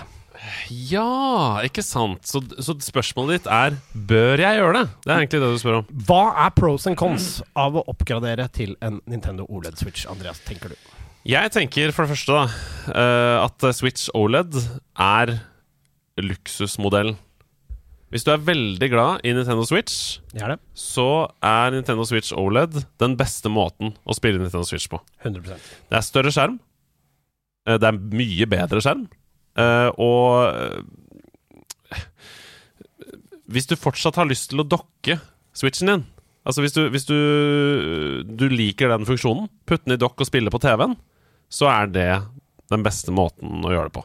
Ja, for dette er greia. Jeg får jo også solgt min tidligere Switch Ja. som et mellomlegg her. Ja, For den er prikkfri. Mm. Jeg tar godt vare på alle tingene mine. Den er som den var da den var ny. ikke sant. Hva, men hva, hva tenker du at du får for den? Det er vanskelig å si. Jeg har ikke sjekka markedet. Mm. Men si at jeg får uh, Hva koster en Switch i våre dag, da? Ja, den ligger rundt 3000 nå, så kanskje 1500 halv, kanskje. halvparten, ja. 1500. Ja. Ja, hva koster en ny OLED-switch nå? Jeg har ikke peiling. Ok, La oss sjekke det på prisjakt. Verdt å sjekke prisjakt. Verdt å sjekke prisjakt. Verdt å sjekke prisjakt. Vi er ikke sponsa av prisjakt, men verdt å sjekke prisjakt. Ok, Switch OLED på Skal du ha 64 gig, eller Jeg har et minnekort på 977 000 fucking ekstrem gigabyte. 64 så- gig er fint. Så jeg kjøper den minste, og så får Koster Ja. på uh, komplett 3990. Hæ? Bare 3990? Det er nettopp det. Den er ikke, jeg mente å huske at den er under 4000, skjønner du. Wow! Med gratis frakt. Tre- Mm. Høyttalere med forbedret lyd òg. Det er nettopp det. Ja. Altså, alt der er bedre. Og jeg så bare på for den pakka Oi, med del... du, dette er faktisk det største punktet for meg. Det er eternett i dokkingen. Er det det, eller? Det er det største punktet for meg. Det er, eterne, altså det er LAN-port i dokkingstasjonen. Ja, det er ikke dumt. Det, for, for det har vært den største utfordringen for meg med å laste ned spill på Nintendo Switch. Det er derfor jeg har ganske mange fysiske spill, fordi det må være på wifi. Ikke at jeg har dårlig wifi, men jeg syns det er kjedelig. Det er kjedelig å sitte og vente på det. Um, og, og hver gang jeg laster ned spill på Nintendo Switch Nei, på Altså, PlayStation hvordan, eller hvordan, går, men, sorry, hvordan går det med internettregningen? Er det dårlig fart, eller? Fordi Det to, det, tar sånn ett minutt å vente på spillet. Det er 200-linje, så det, det går veldig bra. Men det går altså. fortere å gå på, på butikken Sa kjøpe du? spillet fysisk. Å ja, nei, jeg får det i posten, vet du. Ja, det er sant. Det er, vi er anmeldere, vi nå. Ja. Nei, nei, altså, hvis jeg bestiller det fysisk, så får jeg det også i posten på release. Men um, Ja, hva skal jeg si? Uh, det med eternettkabel har en del å si for meg. Hver gang jeg laster ned på PS5 eller Xbox Series S, så det går så mye fortere enn på wifi. Selv om det er samme internett, eh, Mm. rett og slett. Og jeg tenker som så at dette her er en toppmodell som jeg tviler på at de kommer til å fucke med Det kommer ikke noe bedre enn den på veldig lenge. Nei, ikke før det kommer en Switch 2.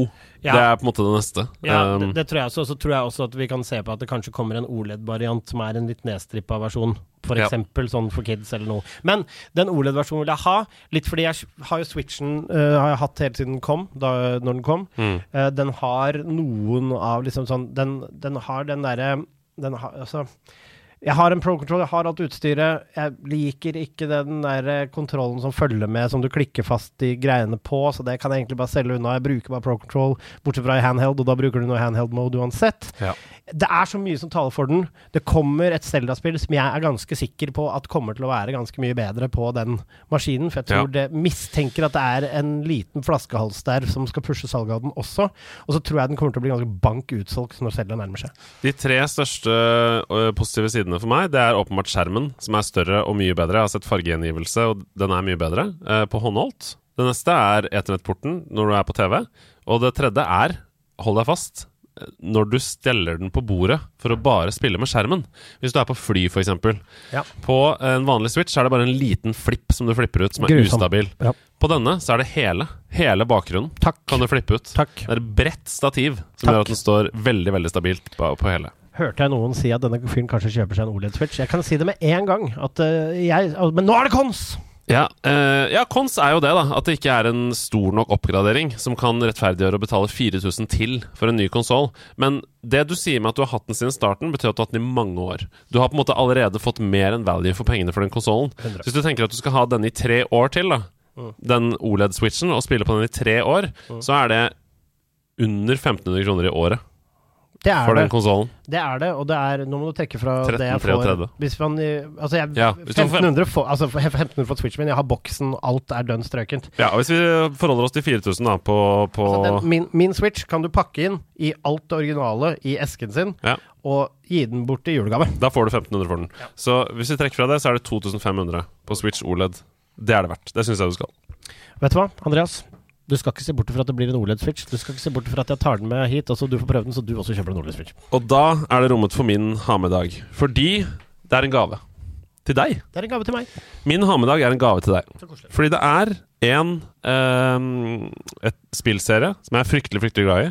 Med en av de kuleste karakterene jeg vet om. Som jeg vet at du ikke har noe særlig forhold til. Okay. Og jeg syns at du skal få deg på OLED Bajonetta 3. Oh, shit! Her er Bajonetta 3 Ja, men fy sealed! faen! Vær så god. Sign sealed. Altså, herregud, er det julekveld på kjerringa? Har det kommet ut? Uh, Nei, å, ja, nei, ja, ja. vel kommet, eh, kom vel på fredag, kanskje, tror jeg. Vet du hva, det skal jeg stappe i min nye OLED-switch. Vet du hva, Hvis jeg får blod på tann, kanskje jeg skal anmelde det? Ja, jeg lurer på deg, hvis du har lyst til det. det, vet du. Bajonetta 3, altså. Uh, veldig etterlengta. Vært litt uh, fussy oppsparket til at spillet skal komme. Men har du noe forhold til det første og det andre spillet? Nei, jeg har spilt så vidt innom. Jeg har vært og prøvd, liksom. Mm. Og sett Uh, og tenkt at det har hatt en litt sånn Devil May Cry-vib, Ja.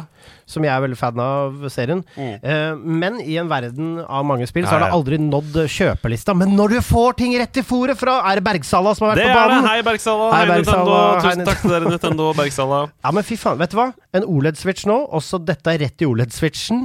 Og så legge seg litt bakpå etter jobb, fordi man kjenner jo at man har 73 timers time. Vet du hva, for en vakker havedag! Herregud! Oh, det blir deilig å høres nesten ut som en reklame for Nintendo. Men det, jeg tror det er mange som sitter og lurer på om de skal kjøpe seg en Nintendo OLED Ja. i forbindelse med nye Zelda. Og her er i hvert fall noen argumenter. Eh, Konsene er at det kommer til å uh, oppleves som en uh, Altså teknisk så er det ingenting som tilsier, uh, ut fra speksene, at det er en noe sterkere eller kraftigere maskin enn den gamle Switchen. Så du må ikke føle at du må kjøpe den. Men hvis du har overskudd, og du har mulighet til å selge den gamle, f.eks., eh, og et mellomlegg som gjør at du kan leve med den summen, så mener jeg at en Switch OLED fra 2021 da, er eh, Så jeg, altså, jeg har også hørt at uh, det er vel mange som sier at den bilden og i det hele tatt At ikke nødvendigvis komponentene tilsier at den skal være så mye bedre, men at det er en del ting som er gjort. Som Ja, i, bygge, i motherboard og sånn. Ja, i Ja, ja. Det blir spennende. Vi skal snakke litt om nyheter, vi.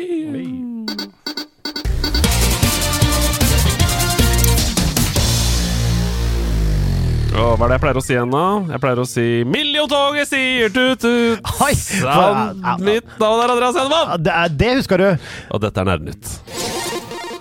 Og når det er uh, nyhetsspalte, når vi sitter to her, så er det ikke noe, det er ikke noe sånn hot droppings av Oi, hot droppings? Det er ikke lov å si. Det er ikke lov å si. Men uh, liksom sånn eh, slam uh, nyhetsspalte. Vi diskuterer alle sakene, vi. Vi gjør det, vi gjør det. vi begynner i innenriks, og vi skal til Bergen.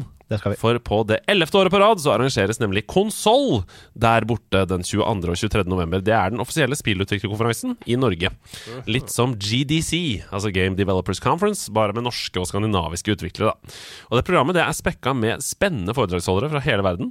De kommer for å snakke om bransjens tilstand, dele tips Er det GDC Games Done Cheap? Nei.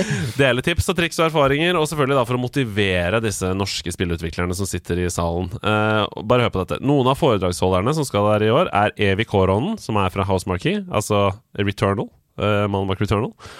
Eh, du har Rick, Richard Aud fra Guerrilla Games. Du har Molly Maloney og Eric St Sturp fra, Molly Maloney! ja, ja, og Eric Sturp fra Remedy. Uh, Christine Phelan fra Valve.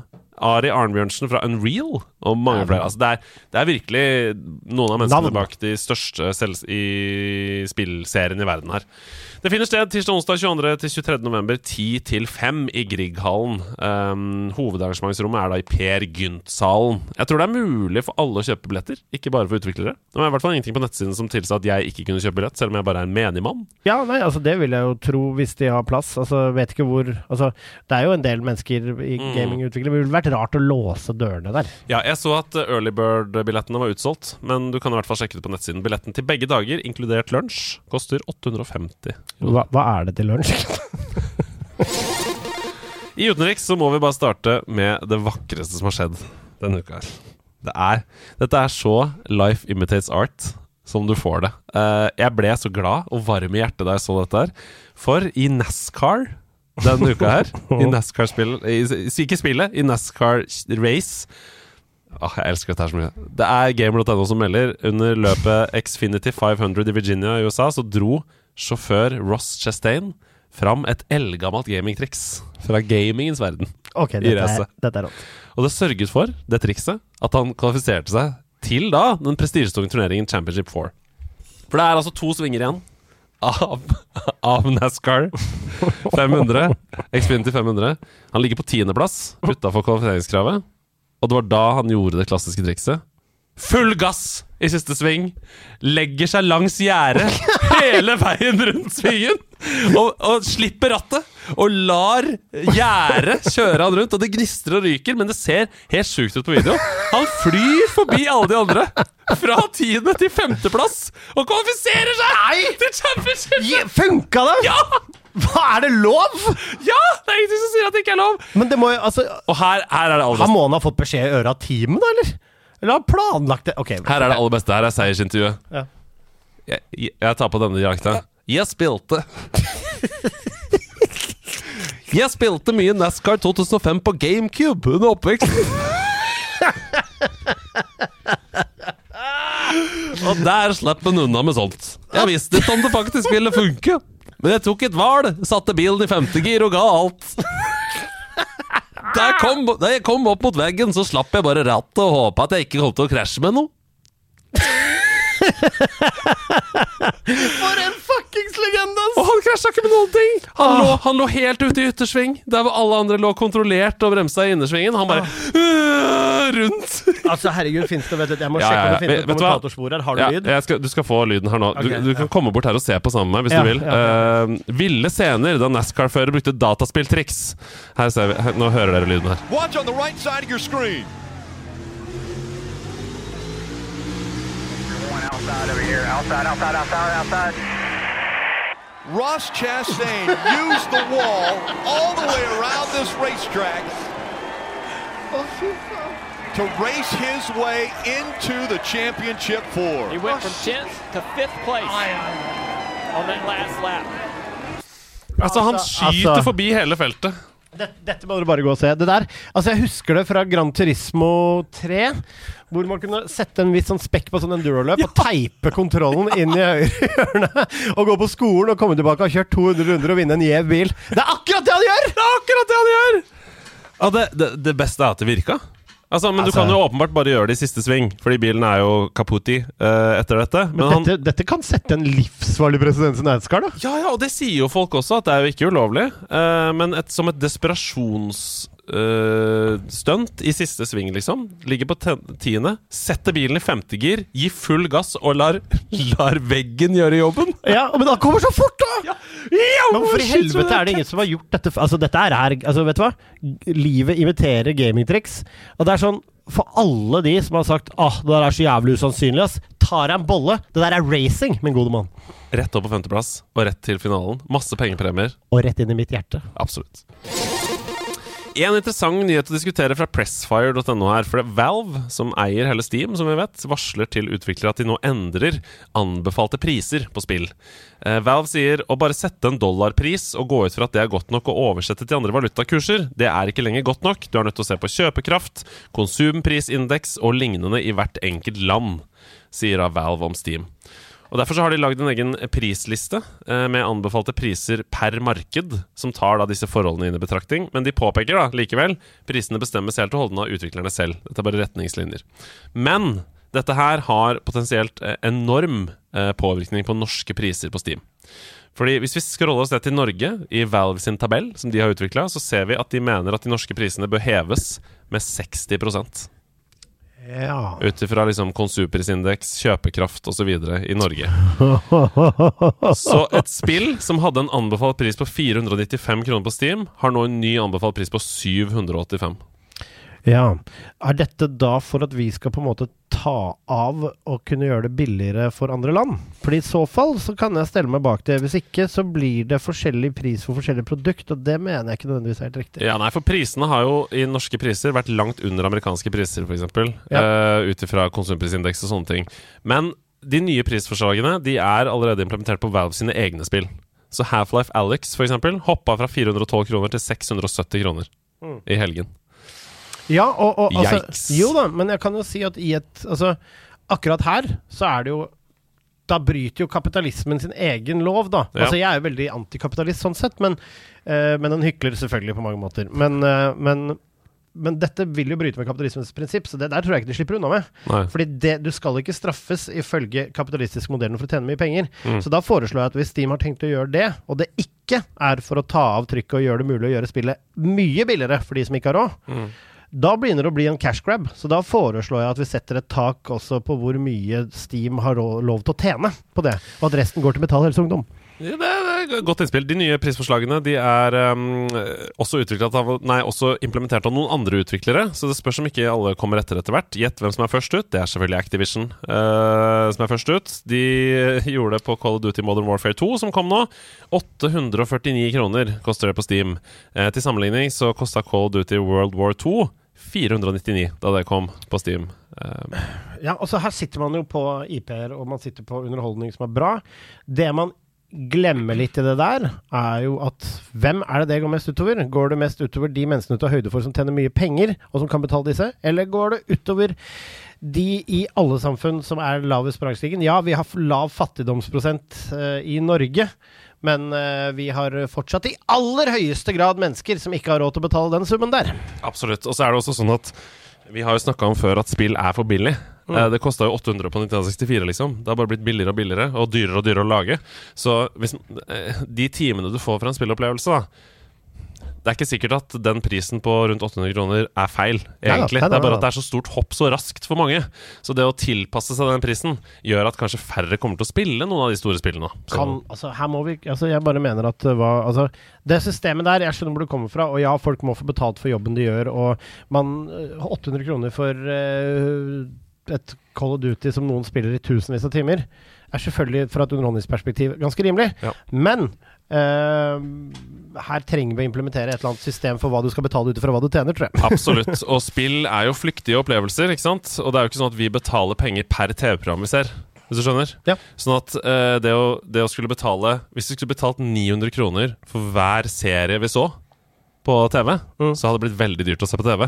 Det hadde Uh, så vi må tenke litt på det også. At, at um, det er ikke sånn at du kjøper et spill, og så skal du bare spille det i hele 2023, på en måte. Um, sånn er ikke Sånn er det ikke funker. Nei, altså der kan man jo kanskje altså, Men det er, her- et eller annet sted skal de penga dras inn, og det er jo dessverre slik at alt skal ha vekst. Vekst, Ja vekst, da, vekst, vekst, vekst, vekst, Dessverre. vekst, vekst, vekst.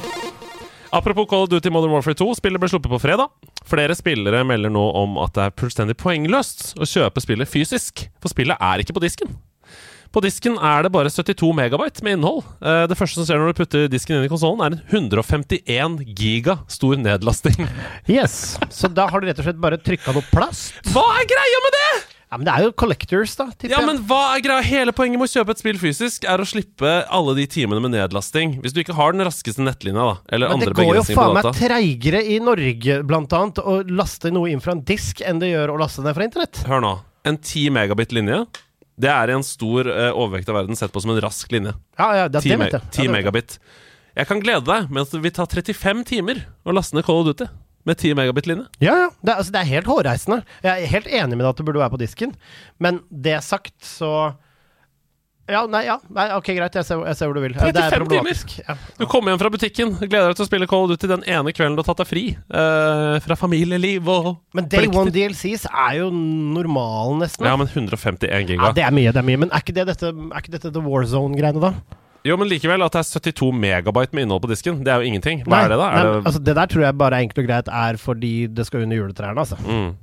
Kan ikke skjønne at Og det andre å diskutere her, i tillegg til dette, som jeg syns er at da er det ikke noe poeng med at å ha det fysisk. Det er masse miljøutslipp for å printe opp alle spillene og sånn. Det andre å diskutere er spillkultur og bevaring av spill. For når spillet er online only, så blir det praksis bare å leie det. da Helt til Activision skrur av serverne, så har du det ikke lenger. Hvis du har lyst til å spille singleplayer-delen da i Modern Warfare 2 om 20 år, så kan du jo ikke det. For du har det ikke på disk. Altså, akkurat det problemet tror jeg ikke kommer til å ha, men sånn personlig. Men uh, nå, disclaimer, nå har vi fått dette spillet, så jeg satte Ja. ned på nedlasting nå. Men hovedspillet der var vel uten Warzone, var vel 49 gig, Ja. som jeg kunne se når jeg satte på nedlasting i stad. Og nå tar det hjemme hos meg syv minutter eller noe sånt, så det er på en måte greit, men Akkurat på disse tingene, piracy lenge leve, sånn at vi kan bevare Uh, spillkulturen. Uh, jeg snakker ikke om at man ikke skal betale spillutviklerne. Jeg snakker om å ha et slags frøhvelv der hvor spill eksisterer for evig tid. kan man ikke her eh, gå sammen, da? Altså, vi har jo disse museene og sånn, og bare sende nok en oppfordring til alle spillselskapene. Send hardcoden eh, ned til de, i hvert fall. Netflix kunne lørdag avsløre at den populære serien The Witcher får en fjerde sesong, skriver gamer.no. Skuffende og sjokkerende nok så blir det uten Henry Cavill i rollen som Gerald av Rivia.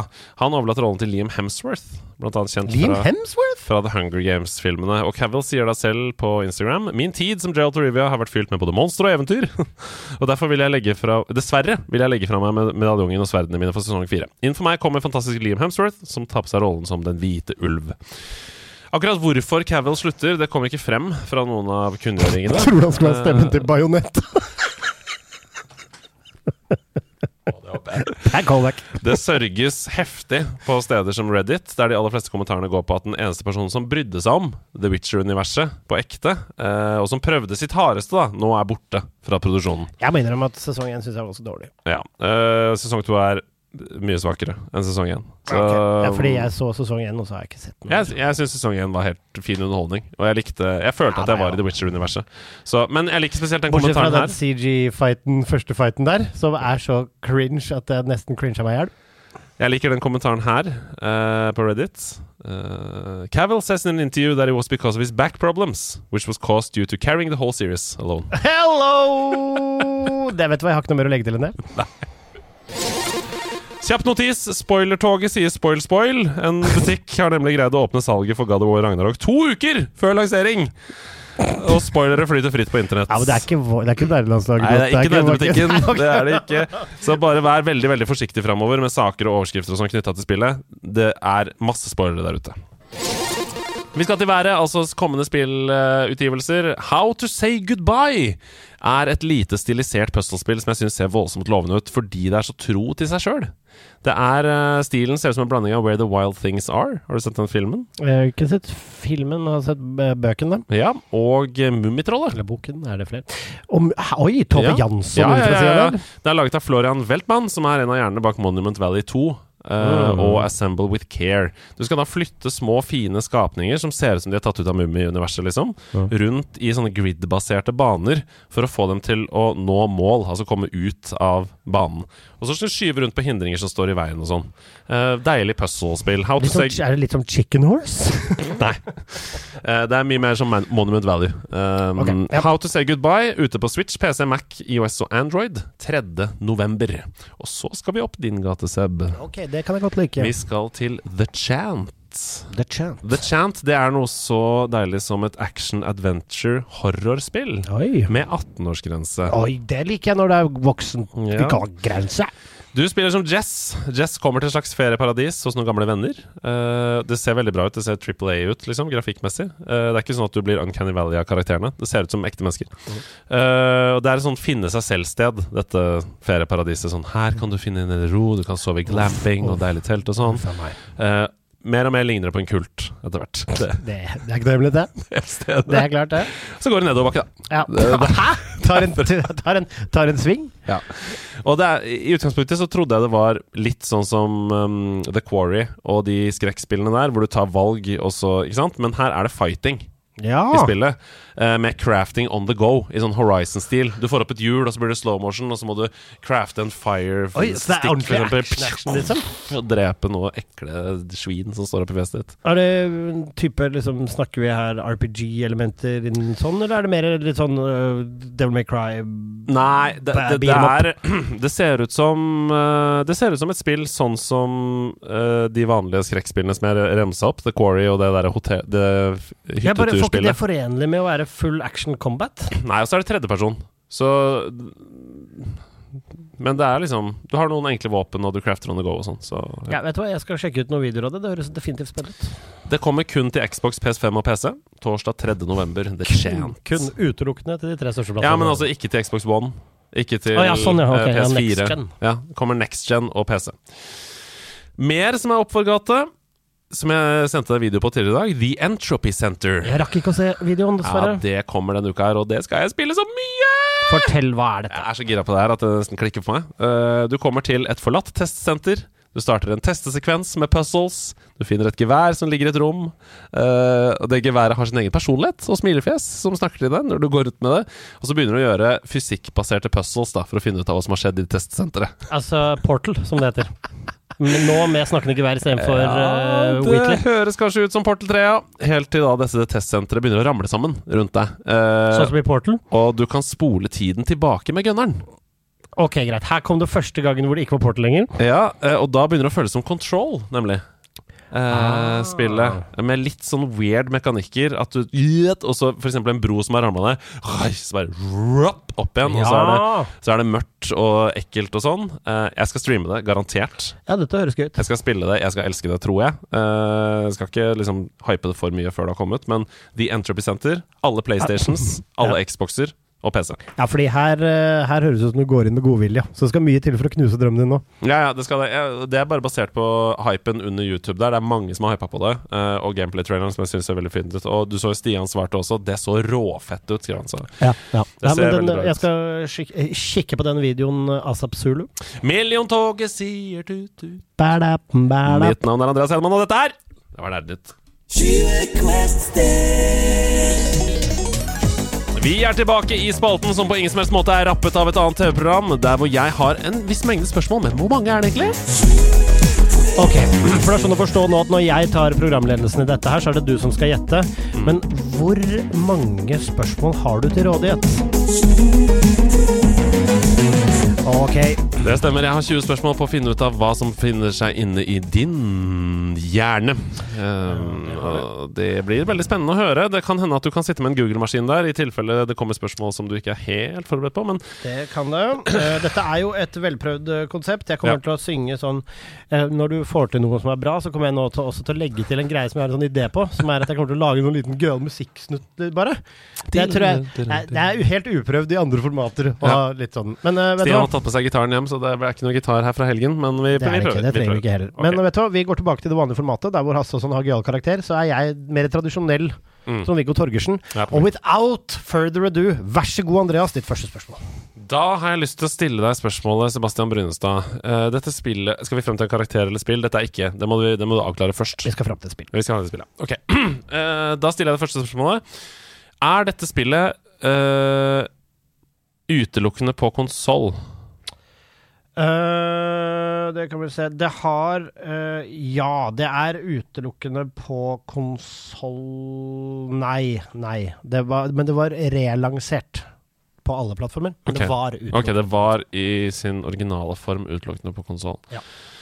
Er denne konsollen Nintendo? Ja. Musikk! det, det er veldig lurt å begynne der, for det snevrer inn ganske mye. Um, interessant at det var på Nintendo, og så gikk til PC. Det er det ikke så mange eh, franchiser som gjør.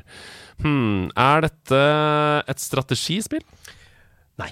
Nei, for det er det jeg ofte forbinder med Nintendo-titler som kommer til PC. Um, er det et fighting-spill? Nei. Nei.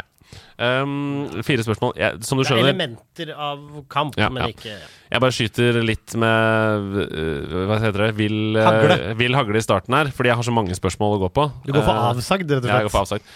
Da øh, stiller jeg videre. Det er elementer av fighting, ja. Um, er det førsteperson? Nei. Det er ikke førsteperson, nei. Det er tredjeperson. Um, hmm, skal vi til beat them ups-verden? Nei. Nei, vi skal ikke det. Nintendo. 14 spørsmål okay. igjen. Ja, det har jeg. Da, da tror jeg vi må begynne å tenke. Er dette først og fremst kjent for å spille sammen med andre? Nei. Det er et singleplayerspill, da. Ok, Eh, interessant. det er vel begge deler der, tror jeg, men uh... Ja, ok, ja. Eh, det, er ikke, det er ikke først og fremst tenkt på at det er sånn Nå tar vi opp kontrollene dere, og så spiller vi det sammen. Nei. Uh, det er tredjeperson Ja, skal vi opp i verdensrommet, eller? Ja, det skal vi også, faktisk. Ja, ikke sant? For jeg begynte å tenke på ei viss dame i metalldrakt uh, som heter Farah Shames. Um, men jeg er usikker på om det kom til PC.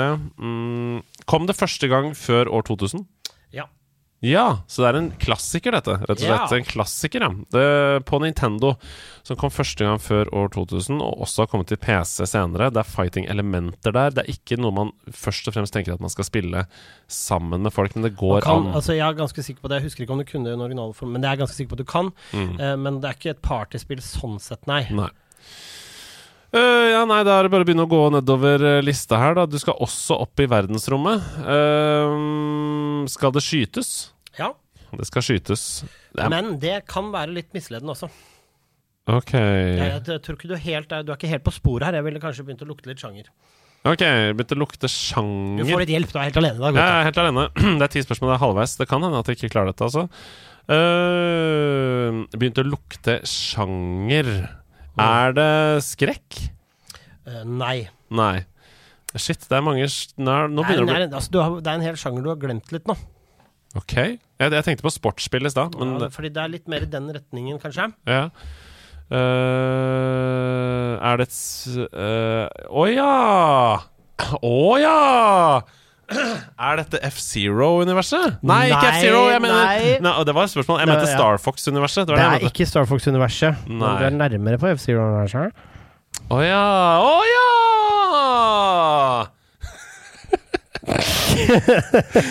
er dette biler som skal kjøre mot hverandre? Det er det. Okay. Og du bare ba-da-da-da-da-da-da-da, han blir skikkelig ivrig og blid. Yeah! Da har vi seks spørsmål igjen. Og da spør jeg om vi skal til Wipeout, jeg. Det skal vi ikke. Og for det er PlayStation. Ja, Eh, skvababu. egentlig. Skvababu. Pianomann mistet iver og ble trøtt. Han ble trøtt! Det er fem spørsmål igjen. Racing i verdensrommet på Nintendo. Ja, men det er ikke bare verdensrommet. Mm, racing på bakken og så, rundt omkring. Uh, jeg tror kanskje vi har snakka om dette her i Sidequest, ja. Eh, det- Fordi det minner meg om et spill hvor det var rocke, uh, rockemusikk i Og Å, pianisten kan nesten ikke slutte nå! Ragtime-pianisten er er blitt? Det, eh, det derre eh, Sidequest-spillet hvor det var rockemusikk i bakgrunnen, det var fra Lucasfilm LucasArts Nei da, eh, plinka, plinka. Det er ikke for Lucas. Arts fra disse folka som lagde klinka, klinka, klinka. Du har sagt et ord. Er det rock'n'roll racing? Det er rock'n'roll racing, og han brukte ikke så mange han hadde tilgjengelig. Hvor mange brukte du, Andreas? 16! Du brukte bare 16, og det betyr at du får poeng fordi du hadde til rådighet! Å, det er helt rått å komme dra rock'n'roll racing opp av hatten der! Men for et spill, og for et deilig soundtrack på det spillet! Du, vet du hva? Gå inn på YouTube og hør på det. Dere har aldri hørt rock bedre. Nei, eh, spillifiserte eh, rockeversjoner da av eh, Nå var det satan som er flaks at jeg akkurat har laget Sidequest om, eh, om um, Og hva heter de? Uh, Psychonauts-selskapet? Eh, ja, nå sto det stille. Insomniac. Uh, nei. Nei. Uh, Jo, nei. det, og det er det som broa Double Fine. Ja, Double Fine. Double Fine, hvor vi da begynte selvfølgelig i rock'n'roll racing-land. Da vi snakka om Og Rock'n'Roll racing er jo Blizzard Entertainment. Ja, da var det Blizzard, ja. Ja, Så det er Blizzard vi snakka om. Hvem var det jeg lagde Sidequest om Blizzard med? Uh, har nettopp gjort det òg, skjønner du. Ja, jeg vet. Men ja. Altså, Rock'n'Roll Racing, der er du i verdensrommet. Du er overalt. Og for et spill det er. Skal vi videre i dette programmet ja, nå, Ja, eller? søren. Altså det, nei, vet du hva? Eh, Jeg er stolt av meg sjøl. Ja, du, vet du hva, det har du all grunn til å være. Tusen takk.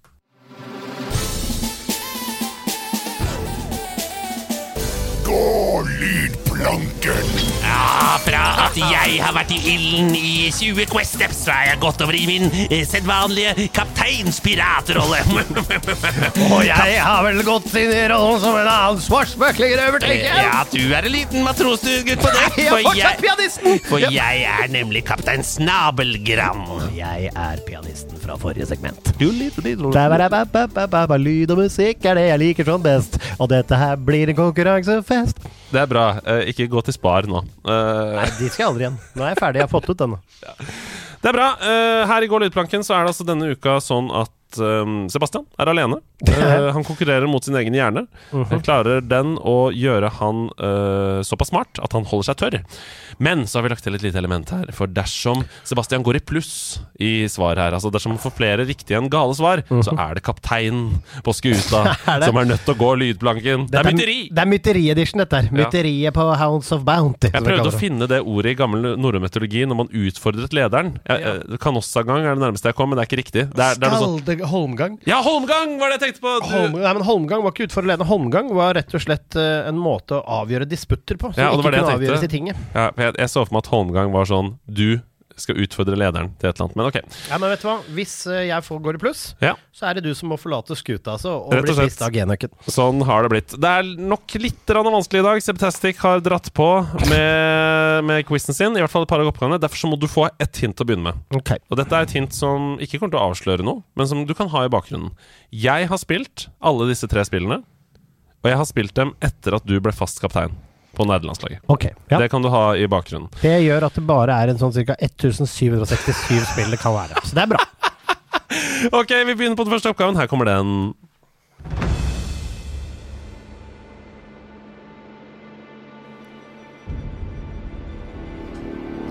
Dramatikk.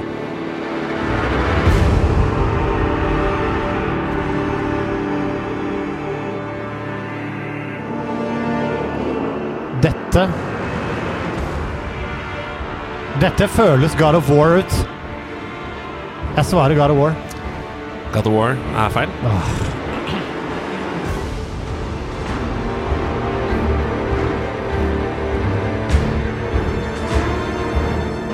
Uff, det er svært, det er grandiost. Altså Det er jo altså, det er Fromsoftet også, vet du. Er det ringen sjøl?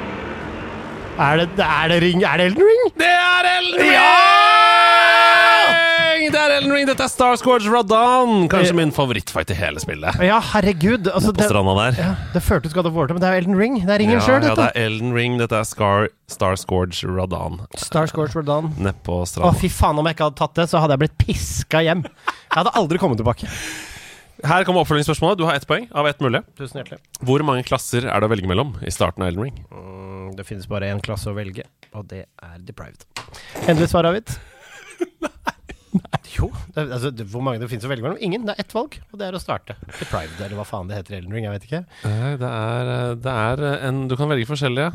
Du vet Deprived, det finnes én klasse å velge mellom. Det så, hvor mange det er å velge. Og, altså, hvis spørsmålet hadde vært hvor mange klasser finnes det potensielt å gå til å bruke som utgangspunkt, så er det at, men hvor mange det finnes å velge mellom, kun én deprived. Ja. Det er ikke det som Tastic vil frem til. Ja, okay, greit. Det er deprived, eh, som det ikke heter lenger, men det er husk, eller hva Ja. faen det heter. Rolig fyr med bare truse. Og så er det astrologer. Ja. Uh, Du kan jo tippe, da. to, Du kan få pluss, det er- pluss er minus én. Det er seks. Du tenker at det er seks klasser? Ja, jeg veit da faen. Jeg velger bare én uansett. Ja, for du velger bare Du går rett inn på Deprived 100 uansett. leser ikke om noen andre. Nei, og det er jo fordi det er lettest å forme, da, karakteren. ja, ja, du har altså, eneste, only way to go. Ja. Det er ti klasser Ja, okay. i, i starten. Det er meg glitrende likegyldig. Det finnes bare én. Deprived, og jeg tar et poeng, takk. To poeng. To poeng, sier jeg. Her kommer neste oppgave. To poeng i boks. Her kommer neste oppgave. Dos Eh, pointos. prøv å gjette dette. Og dette jeg, jeg tror du kanskje tenker Jeg tror du kanskje tenker at dette er noe annet enn det der. Så tenk litt gjennom før du svarer her. Rock and roll race.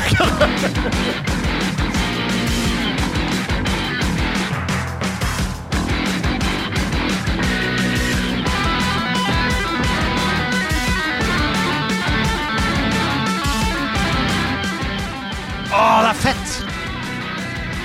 Åh! Det er i hvert fall alt det viktigste for Power Rangers, men det er ikke Power Rangers. Ok, greit, dette er ikke det jeg tenker at det er.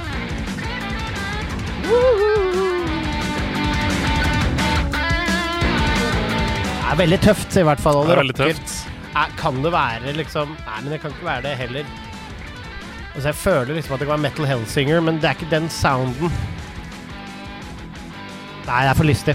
Og det er for pikslete. Skal til Nintendo Switch, ja. Det er helt riktig. Ja, eh, er dette her Å, er det The Great Escape? Nei.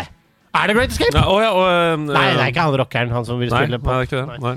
Uh, det vi skal til Nintendo Switch her. Mm, Det er ikke Rock'n'Roll Racing, Uh, for det er det virkelig ikke. Det, for der er det kjente og kjære tunes. Men jeg har heller ikke spilt det etter at du ble kaptein i Nei, det har du ikke.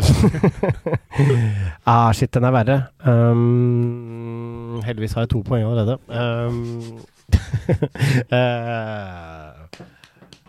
Må nesten ha et svar her nå. ja, må nesten ha et svar. Eh, det, ja, da går vi ut, og det er tøff rockemusikk i det spillet her, og det er kjempegøy combat. Yes, yes, yes. Nei, ikke Great Combat. Jeg, jeg bare rister på hodet Streets of Rage! ja, Nei, det er ikke det. Dette er Mario Strikers Battle League. Eh, fotballspillet til Mario på Nintendo Switch. Vet du hva, Sebtastic tar en bolle, det er vanskelig. Ja, det er vanskelig. Det er Lava Castle. Uh, Bowser-banen der, altså. Eh, så du har da Du får ikke poeng på det. Keeperen i Mario Strikers Battle League Nei. heter Boom Boom. Det, skal være mulig å klare dette, skjønner du. Boom Boom er jo en av Bowsers hjelpere. Eh, han er kort, oransje og har et rødt skall på ryggen. Um, I hvilket spill møtte vi Boom Boom først? Ah. Mm. Er det World? Ja, er interessant at du svarer Super Mario World. Er det ditt endelige svar? Ja. ja. Det er Super Mario 3. Så det er close, but no cigar. Det er jo spillet før. Eh, Super Mario 3, og så det er, hoppa Men det er jo egentlig Doki Doki Sunshine, er det ikke Nei, det er to. det? Er. Super Mario 3, de, de nerde strides om treeren eller om World er det beste, på en måte. Ja, ja. Um, Men jeg tar, jeg tar et poeng her òg. det- Nei, du kan ikke få Det er for vanskelig. det er nei, er, nei, er, null poeng der. Hvis jeg gir deg to poeng da på det første For det var et Nei, det artig jeg- det er- ja. Men det var et Harald Eia-aktig svar i Kongen befaler. Hvor mange klasser er det å velge mellom i starten av Elden Ring? Det er bare én klasse å velge mellom, og det er Deprived, svarer du. Det er et Harald Eia-aktig svar. Du har lest spørsmålet, du har lest oppgaven, og du svarer på oppgaveteksten. Ja, jeg har funnet en feil. Hvis, hvis, han hadde skrevet, hvis han hadde skrevet, som du sa, hvor mange ulike klasser er det å velge mellom for hvermannsen i Elden Ring? Ja, alle liker en pedantic quiz. Ja. Eh, vi går videre. Ja, 2-2 er det nå mellom deg og Septastic. Og her kommer deg, neste oppgave.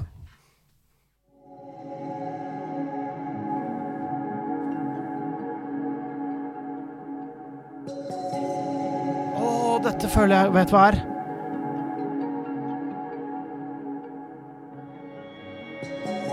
Her er vi under vann. Det, jeg har spilt såpass mye TV-spill at her er jeg ganske sikker i hvert fall på at vi er under vann. Uh, er dette Subnotica? Nei, Ok. det er ikke det. Er vi under vann? Gi meg det, da. Nei, ikke først og fremst. Nei, det er ikke først og Men det prøver å skape noe av den samme stemningen. Det Vi er i verdensrommet, tenker jeg. Det stemmer. Det er det vi er, Det ja. stemmer. Eh, og Og vi er på tur i vær Da kommer så teksten. Eh, er det dette Er det dette, er det dette loop-spillet hvor du har eh, Som er Outer Worlds, bare ikke Outer Worlds? Outer Space? Outer Wilds? ja. Outer Wilds. Nei, det er ikke Outer Wilds heller, nei. Men det var altså Det er ikke sikkert du husker dette, altså. Men du har spilt det, vet du. Og det er Ja. i verdensrommet. Og jeg liker verdensrammet. Mm. Jeg tror du hadde likt det Mm. Selv om det er et indiespill-ish. Du Som jeg jo hater ofte. uh, men eh, ofte liker også. Nei, vet du hva, jeg er litt blank her, Ja. altså. Dette er Solar Ash. Uh, Ah. Skatespillet rundt omkring i himmelen. Uh, som var det første spillet jeg anmeldte i 2022 for nederlandslaget. Uh, Mirror Sea heter denne musikken. Nettopp som du sier. Mirror Sea. Det er jo havet de prøver ja, å her. ja, da. Her kommer spørsmålet. I Solar Ash så styrer du karakteren Ray. Uh, Ray hun sklir og drifter og slasher fiender gjennom dette neonfargede landskapet inne i et sort hull. The Ultra Void. Og målet hennes det er å ødelegge det sorte hullet med noe som kalles The Star Seed. The Star Seed det er laget av en gruppe som Ray er den siste igjen av. Kort og konsist spørsmål her. Bra. Hva kalles den gruppa? Ja, takk. Den gruppa som Ray er en del av. Hjertelig velkommen til programmet Jeg veit da faen, jeg vel. Ja, Det er, det er Void Runners uh, de Ah, shit, det kunne jeg sikkert. Vet du hva, det spørsmålet det skroter vi. Ingen får poeng. Ingen får poeng. Og det betyr det at det er 3-2 til Sebtastic, men du kan klare å utligne okay. ved å uh, skjønne uh, fellesnevneren mellom disse tre spillene. Elden Ring, Mario Strikers Battle League og Solar Ash. Hva er fellesnevneren mellom EldenRing, Mario Alt er noe, sir det er noe sirkulært i alt. Nei, det er, det er litt mer utenfor spillene enn som så. Å ja. Er det Alle er på PlayStation 5? Hva? Nei. Elden Ring, Mario Strikers, Altså, Rush Ash. at alle Å! Er det at alle Er det noe Det er utenfor spillene? Altså, det er ikke From, Ja. altså Fromsoft har ikke laga Mario Strikers, som vi kan si med en gang. Nei, det er tettere på oss, på en måte. Er det tettere på oss? Alle kom i år? Nei, det gjør det ikke. Solar Rush kom ikke i år. Nei, det er ikke riktig. Mm. Hæ? Det er tettere på Andreas Hedemann har spilt alle! Vi har anmeldt alle nerdelandslaget! Det er helt riktig! Vi har anmeldt alle, alle tre spillene anmeldt i nerdelandslaget! Og det betyr at det blir uavgjort til Gå lydplanken, og ingen må gå lydplanken! Ja, Vi spiser heller lunsj med pianisten under dekk. Det gjør vi, og han har en ragtime klar, han, så det er bare å gå ned. Ragtime med pianisten er nede. Du, du, du. Og til de mest oppvakta av dere som så Instagram-storyen jeg la ut tidligere i dag om innspillingen her i studio, så så dere at det var ingen korrektavle i studio. Og det er jo fordi vi har hatt 73 timers veldedig stream, og da er, den er jo så enorm, den korrektavla. Ja, ja. Så for at vi i det hele tatt skal kunne spille på storskjerm her og sitte her inne i studio, så måtte vi da få et uh, budfirma, et, et flyttebyrå, til å komme inn her og demontere korktavla. Ja, det første vi hadde, var et rivefirma som fikk sagd eh, monstre i eh, 78 forskjellige biter, og så fikk Veldig kontrollert, da. For de som har sett Vi flytter Munch på NRK, det var litt den samme prosessen. Ja, bare gjerne mye raskere og, mye, og kulere. Um, og så ble det sagt i 78 like deler og alle 78 delene ble håndtert av hvert sitt flyttebyrå. Såpass stor. Ja, ja. Så det ligger nå i hva var det sa, Olemic Thommessens garasje, oppvarmet. Jepp. Han fikk flytta en del av garasjebudsjettet til sin private garasje, så den er svær og gild nå. Ja, Slik at den ikke korken skal utvide seg, da. Jepp, og den er fylt med vann, men det er helt greit, for kork flyter. Men ok, til korktavlen, fordi rett før Vi har ikke fått satt den opp her enda, som de oppvakte øya har sett, men du fikk nappet ned noen lapper rett før den ble hentet ut. Rett før de kom, så var det noen som sa 'Hva skal vi gjøre med alle disse lappene?' Jeg sa 'sleng dem oppi denne posen'. Så nå rysker jeg rundt i posen her. Altså, vet du hva jeg er overrasket over? Er hvor dumme lytterne våre er som kjøper denne Som kjøper Jeg mener, Her er posen. sånn bra. Eh, og Det jeg leser den første lappen pose, her. for det var en jakke. Altså, vi kan ikke drive denne notoriske ljuginga gang på gang. det var så åpenbart ikke en pose. Ok, det er sånn her. Da skal jeg bare finne fram posen min her. Sånn, der var den. det var sånn det føltes. da skal jeg bare rive noe ost. Verdens dårligste lydteater. Å nei! Den store bjørnen kommer forbi.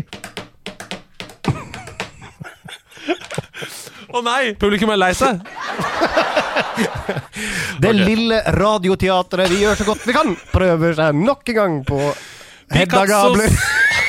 Picassos 91 spør uh, Hva kalte du den? Picassos. Hvordan skriver du det? Picassos. P-i-c-a-z-o-s. Picasso? Picassos. Er det Picassos eller Picassos? For det er ikke to, det er ikke to setter. Men er det da t? Ja, Én sett blir ST. Alle vet om det. Gjør det det? Pizza. Pizza. Det er to setter. Vi 91 spør Så han heter Picasso, altså. Picassos 91. Pissasos 91. Vet dere noe Det er den dummeste korktavlen. Vet dere noe om hvorfor Halo Infinite ikke har uh, Coop Campaign? Det var jo det som var det gøy.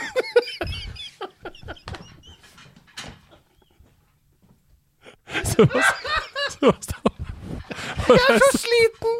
God oppgave, Det var Det var jo det som var det gøyeste med serien, spør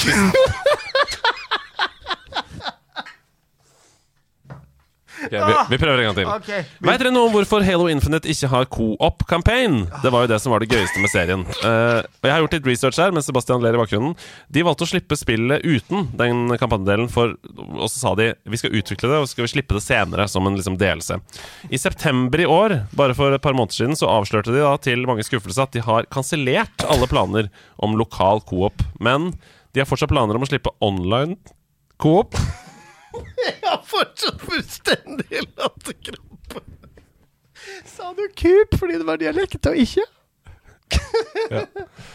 ah, De, de har kansellert alle planene om lokal coop i rommet, men de har fortsatt planer om å slippe online coop en gang mellom november og mars, sier de. Det er jo veldig stort tidsrom, da. Uh, har, du, har du spilt Halo Infinite i det hele tatt? Hva tenker du om det nå? jeg, har spilt uh, Halo Infinite. Uh, Runda det, eller? nest, runda det? Nå ble jeg usikker. Mm. Men eh, ja, jeg har spilt i hvert fall. Jeg har spilt ganske mye. Men uh, Jeg runda det da det kom. at, Jeg at det. jeg canna co-op-campaign, ja. I, I lokal, i hvert fall. da De sier jo fortsatt at de skal ha planer om å slippe online, men hvorfor skal de det nå? Det er Ja. lenge siden spillet kom. Hvorfor, er, det, er det for å spille det på nytt med Ja, kanskje det blir det, da. Spille det på nytt med en venn som ikke har spilt det før, liksom. ja. Eh, For å online. lokke folk. Kanskje du kan ha en invitation og Ja. litt sånn. Da. Ja, fordi det er sikkert bare én som trenger å eie spillet, osv. Ja, kanskje det går litt trått i, i Halo. siden- Det gjør det. Altså, Multiplayer-delen er mer eller mindre død. Eh, Det er ikke bra for Halo, vet du. det er veldig få som spiller Halo Infinite nå. Uh, og det var, altså singleplayeren var dritbra. Jeg likte Ja, det spillet ja, kjempegodt. var Eh, så det var synd. Altså, Men- vet du hva, jeg er ikke altså, altså har du muligheten til couch co-op, gjør det. Jeg Ja. synes couch co-op split screen er så hyggelig. Det er så undervurdert. Altså. Vi merker det i streamen også. Mm. Bare det der at vi ikke kan øh, For, for eksempel um, Fall Guys, da. Mm. At vi ikke kan være At jeg og Hasse kan spille sammen, eller du og jeg altså, Mange spiller Ikke glem split screen co-open! Nei, ikke gjør det. ikke gjør det, ikke gjør det Ok, Neste spørsmål. Spill som kommer på cross-gen, altså PlayStation 4 og 5, Mm. men som får delser som kun er på ny gen. Sånn som f.eks. Fun Fancy Shoe Remake og Cyberpunk. Hot or not, sier Sondre M. Vet du hva, det er selvfølgelig not, men vi må innse at det er framskritt her. Ja. Og jeg mener da at man skal selvfølgelig catere så lenge man kan, og så lenge tingene som kan gå være backwards compatible, gjør det backwards compatible. Mm. Men vi må utvikle for nye generasjoner her. Ellers så er det ikke vits å oppgradere hardwaren. Vi kan ikke liksom dra tidligere generasjoner bak oss som et anker. Nei, det er helt riktig. Og det, og det, og det tror jeg også det hemmer mindre utviklere mer enn det, enn det hindrer de store. Mm. At de er nødt til å ta hensyn, da. Mm. fordi at du vil ha mulighet til å både selge det i PlayStation 4-sjappa, PlayStation 5 osv. Så, Mm. eh, så jeg vil si det må vi bare akseptere, at noen spill er next gen. Ja, det, jeg, jeg er litt enig i det, altså. Vi kunne ikke spilt spill på PlayStation 3 fortsatt. Da hadde vi ikke hatt noe fremdrift i eh, kulturuttrykket vårt, rett og slett. Sånn er det. Men det er jo selvfølgelig synd, da, akkurat dette eksempelet, at man da selger hovedspillet på den gamle konsollen, og så får man ikke utviklingen på den nye konsollen. Det du, er jo Ja, men du har fått et spill, da. Så Ja. jeg syns uh, den remaken er fin, ja, og er vel verdt pris, innkjøpsprisen for et spill. mm. Og så er jeg jo for så vidt enig i at det er litt sånn bottlenecking og litt, altså Jeg skjønner jo at det er kjipt. og det er lett for meg å sitte med PlayStation 5 hjemme, enhjørningen, som er umulig å få kjøpt, og, og, og dyr i tillegg. Og sitte og synse på det, men jeg tror nok det der må man bare akseptere. Det spillet kom i hvert fall. Det, alternativet hadde jo bare vært at de skrota det på PlayStation 4, liksom. Ja, ikke sant. Så man fikk jo Ja, det er sant, det. Ja. Spørsmål til podden. Hvor i Capslock er det Andreas Hedman finner og kjøper alle gaming-T-skjortene sine? Hilsen en som gjerne vil finne og kjøpe T-skjorter med gamingtrykk. Han lager dem sjøl. Eh, lager dem i kjelleren. Nei, du, det er rett og slett Det er mange forskjellige steder, men eh, de aller fineste, som eh, har holdt seg godt også, så kvalitetsmessig gode, er fra hottopic.com. Veldig bra nettsted. Eh, masse forskjellig eh, Ikke bare gaming, men nerderi. Du kan finne Star Wars-T-skjorter, du kan finne masse forskjellig fra anime, manga osv. Hottopic.com. Eh, Camilla kjøpte til meg i julegave derfra. Veldig fin. Blant annet en Yoshi-T-skjorte her som er blå med Yoshi på. Veldig fin.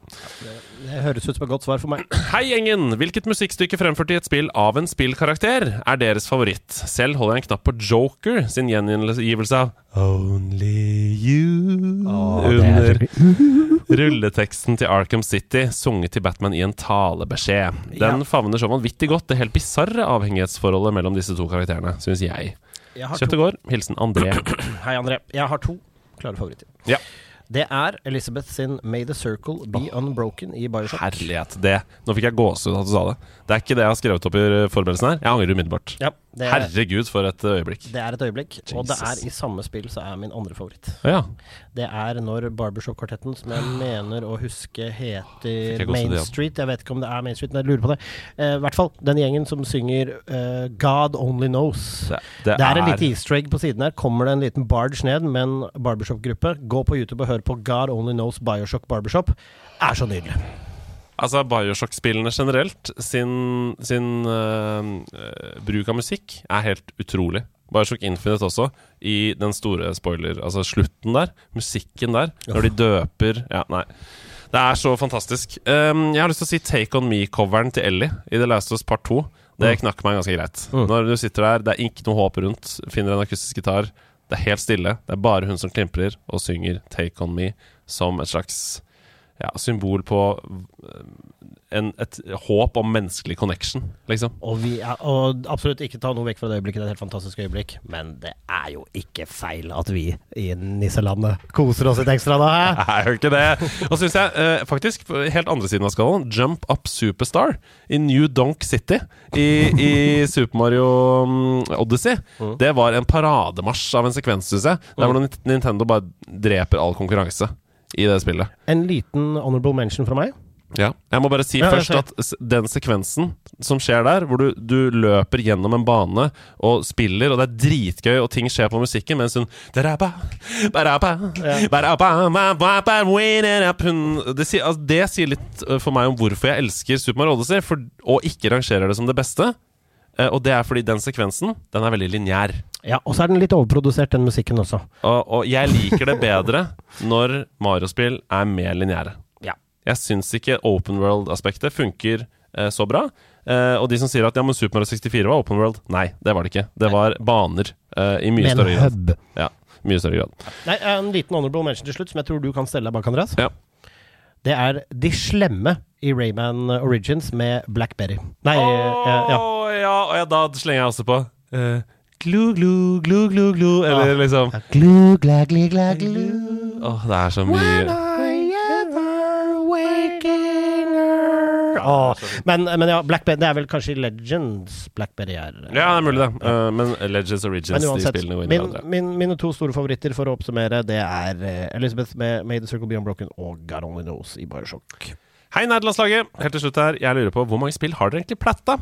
Selv har jeg pletta fem spill. Alle av dem er Lego-spill. Når jeg får et Lego-spill, så har jeg ikke noen andre muligheter enn å plat that shit! Hilsen, En klossete hilsen fra Lavalampelighter. Det er gøy å si en klossete hilsen når det er Lego-spill. Du er en klossete eh, hilsen tilbake til deg. Uh, vet du hva, jeg er ikke noen platter. Nei. Det skal ekstremt mye til for at jeg får noe som helst ut av det. Så jeg tipper jeg tre eller noe sånt. Ja, Men har du platta noe FromSoft-spill? Nei.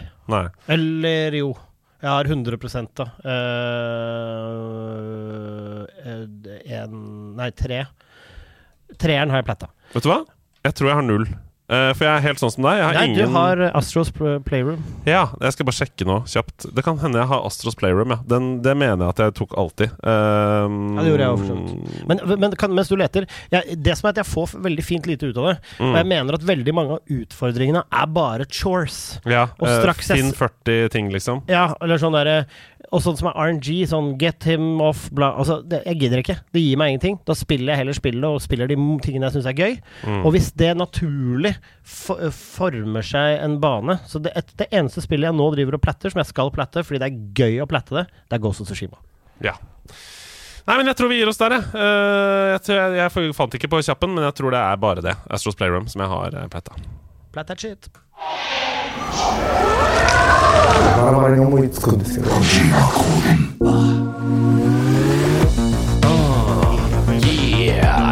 Det ble ikke femstemt Kojima-kode i streamen, men det blir det neste år, for vi oppnådde insentivet.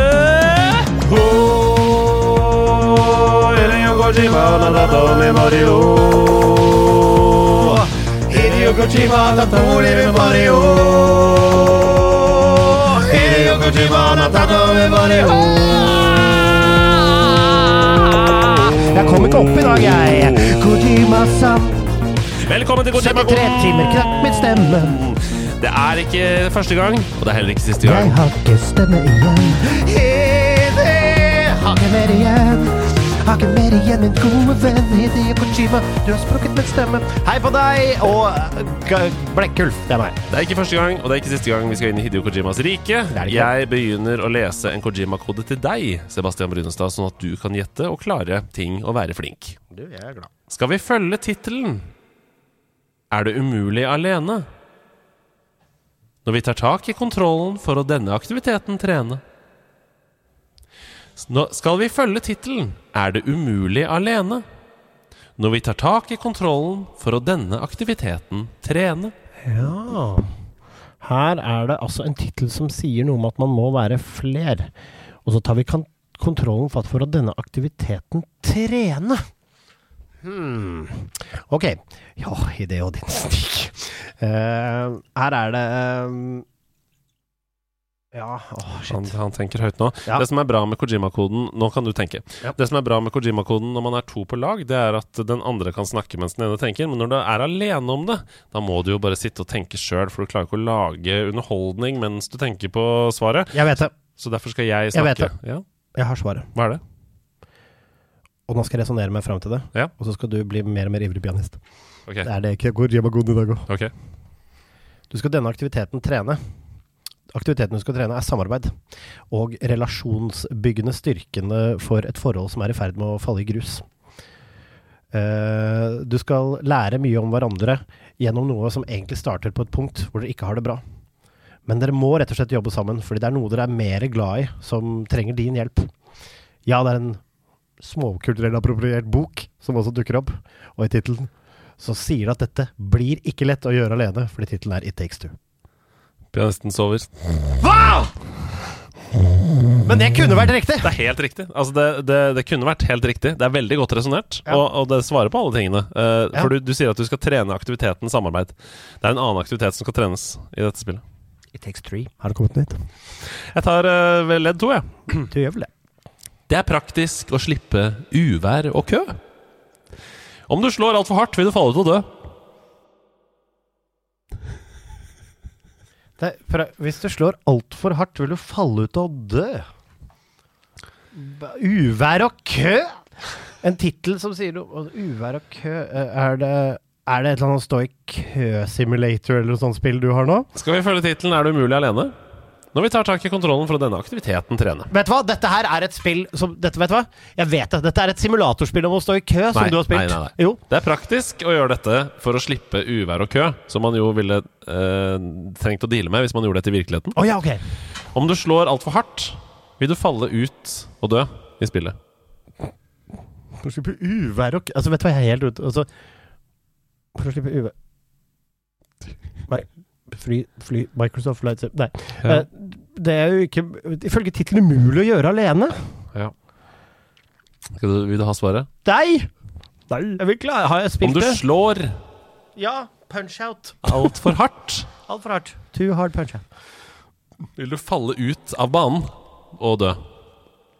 Man sier 'Å nei, jeg døde', sier man jo. Altså Oi! Golf with friends. Det er helt riktig! Der satt den! Ja. Go Åh, with friends. Skal vi følge tittelen 'Er det umulig alene'? Oh, crack, crack, crack. Ja, det blir, det blir bare Vet du hva det er? Det blir, det blir såkalt guff i Kojima-boden. Det blir bare brød med, med råløk. Men du fikk brød med råløk. Ja, Gratulerer. Det er godt, det. Men tror Ja. du pokker ta Å, oh. Å nei, han har tatt det fra hans body! Ja. Ok, da må, jeg, da må jeg slå min egen hjerne mot min egen hjerne. Du. Du ønsker en venn. Det skjønner jeg godt. En utvikling av 90-tallets største farsott. En sukkersøt bombe av kos og kjel. Men de fleste har dessverre sultet i hjel. Du ønsker en venn, det skjønner jeg godt. 90-tallets En utvikling av 90-tallets største farsott. Ja, En sant. sukkersøt bombe av kos og kjel, men de fleste har dessverre sultet i hjel. Ja. Altså, det høres ut som Kirby umiddelbart. For det er sukkersøtt, og, og du skal spise. Uh, og det er en sukkersøt bombe og 90-tallets Men um, det er noe som sier uh, hmm, Det er noe som sier Pokémon for meg også. Men sultet i hjel? De, de fleste har sultet i hjel. Ja, det vil jeg tro. Ja. Uh, nei, jeg har ikke noe bedre umiddelbart enn Kirby Ja, det er feil. Da kan vi ta del to. For Ok. vi er strenge her. Ja, det er bra. Ja. En kompis i lomma for han, hun Ja, og hen. En allergivennlig håndholdt Fader, menneskes beste venn. Fader. Kunne bare tenkt litt til, så hadde jeg hatt det. Det er jo selvfølgelig en Tamagotchi, men ta, ta resten. Det er ikke Det er feil. Ok, da er det selvfølgelig uh, hundespillet uh, på Nintendo DS som heter Nintendogs. Ja!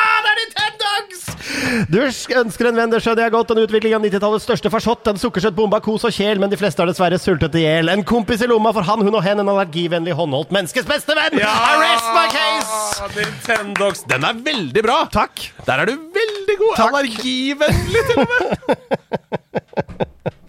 Men det er trist å tenke på at alle Nintendogs nå De fleste Nintendogsene De er ensomme inni et sånt AI-void. Ja. sånn Det er veldig Black Mirror å tenke på. Ja, det er veldig, veldig vondt. Men det som ikke er vondt å tenke på, det er at eh, til og med denne episoden med bare oss to, den passerte to timer! Den gjorde det! Vi klarte det nok en gang. Jeg Vi klarte håper dere har kost dere med Sebastian Brynstad. Mm, Ja, det er meg. Og med Andreas Hedman. Mm, Ja, det er meg. Ja. Og eh, Hasse Hope er også her. Kan vi få høre fra deg?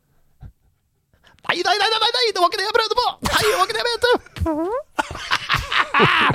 Stian blir på seg. her. Jeg har bare sittet på tonen der, borte i hjørnet. Og hvem kommer her? Det er Ida Horpestad!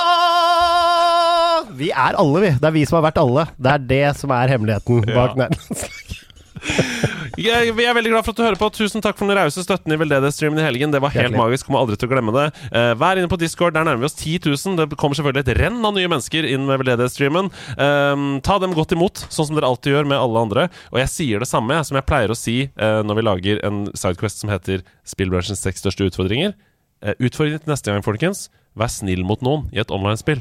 Hjelp dem med et eller annet. Skriv GG etterpå. Vær hyggelig på nett. Ja, gjør det. Og hvis du har lyst til å kjenne noen nerder der ute, så kan du alltid gå på nerdelandslag.no. Der kan du lese anmeldelser. Du kan være med i diverse gale konkurranser. Du kan se spille hvordan- bit for bit. Du kan spille bit for bit. Du kan gå inn i nerdebutikken og kjøpe merch til alle. Og, altså, du kan gjøre ferdig all juleshoppinga di der inne. Ja. Eh, det er også helt rått. Og så må man jo bare si at det er fullt mulig fortsatt for deg å tasle inn og gi til Mental Helse Ungdom. Fordi den jobben slutter ikke, selv om vi sier takk for 73 timers stream. Så, nei, stream.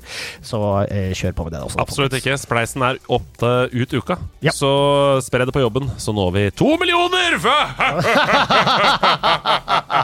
Og da Får du mange timer sommerleir og telefonsamtaler. Vet du hva, det er en eh, veldig gild eh, sak. Jeg er veldig glad for at dere valgte å høre på akkurat denne podkasten, fordi det er den podkasten vi er med i, og det hadde vært ganske bortkasta tid å sitte her og prate hvis ingen hørte på. Ha det! Ha det!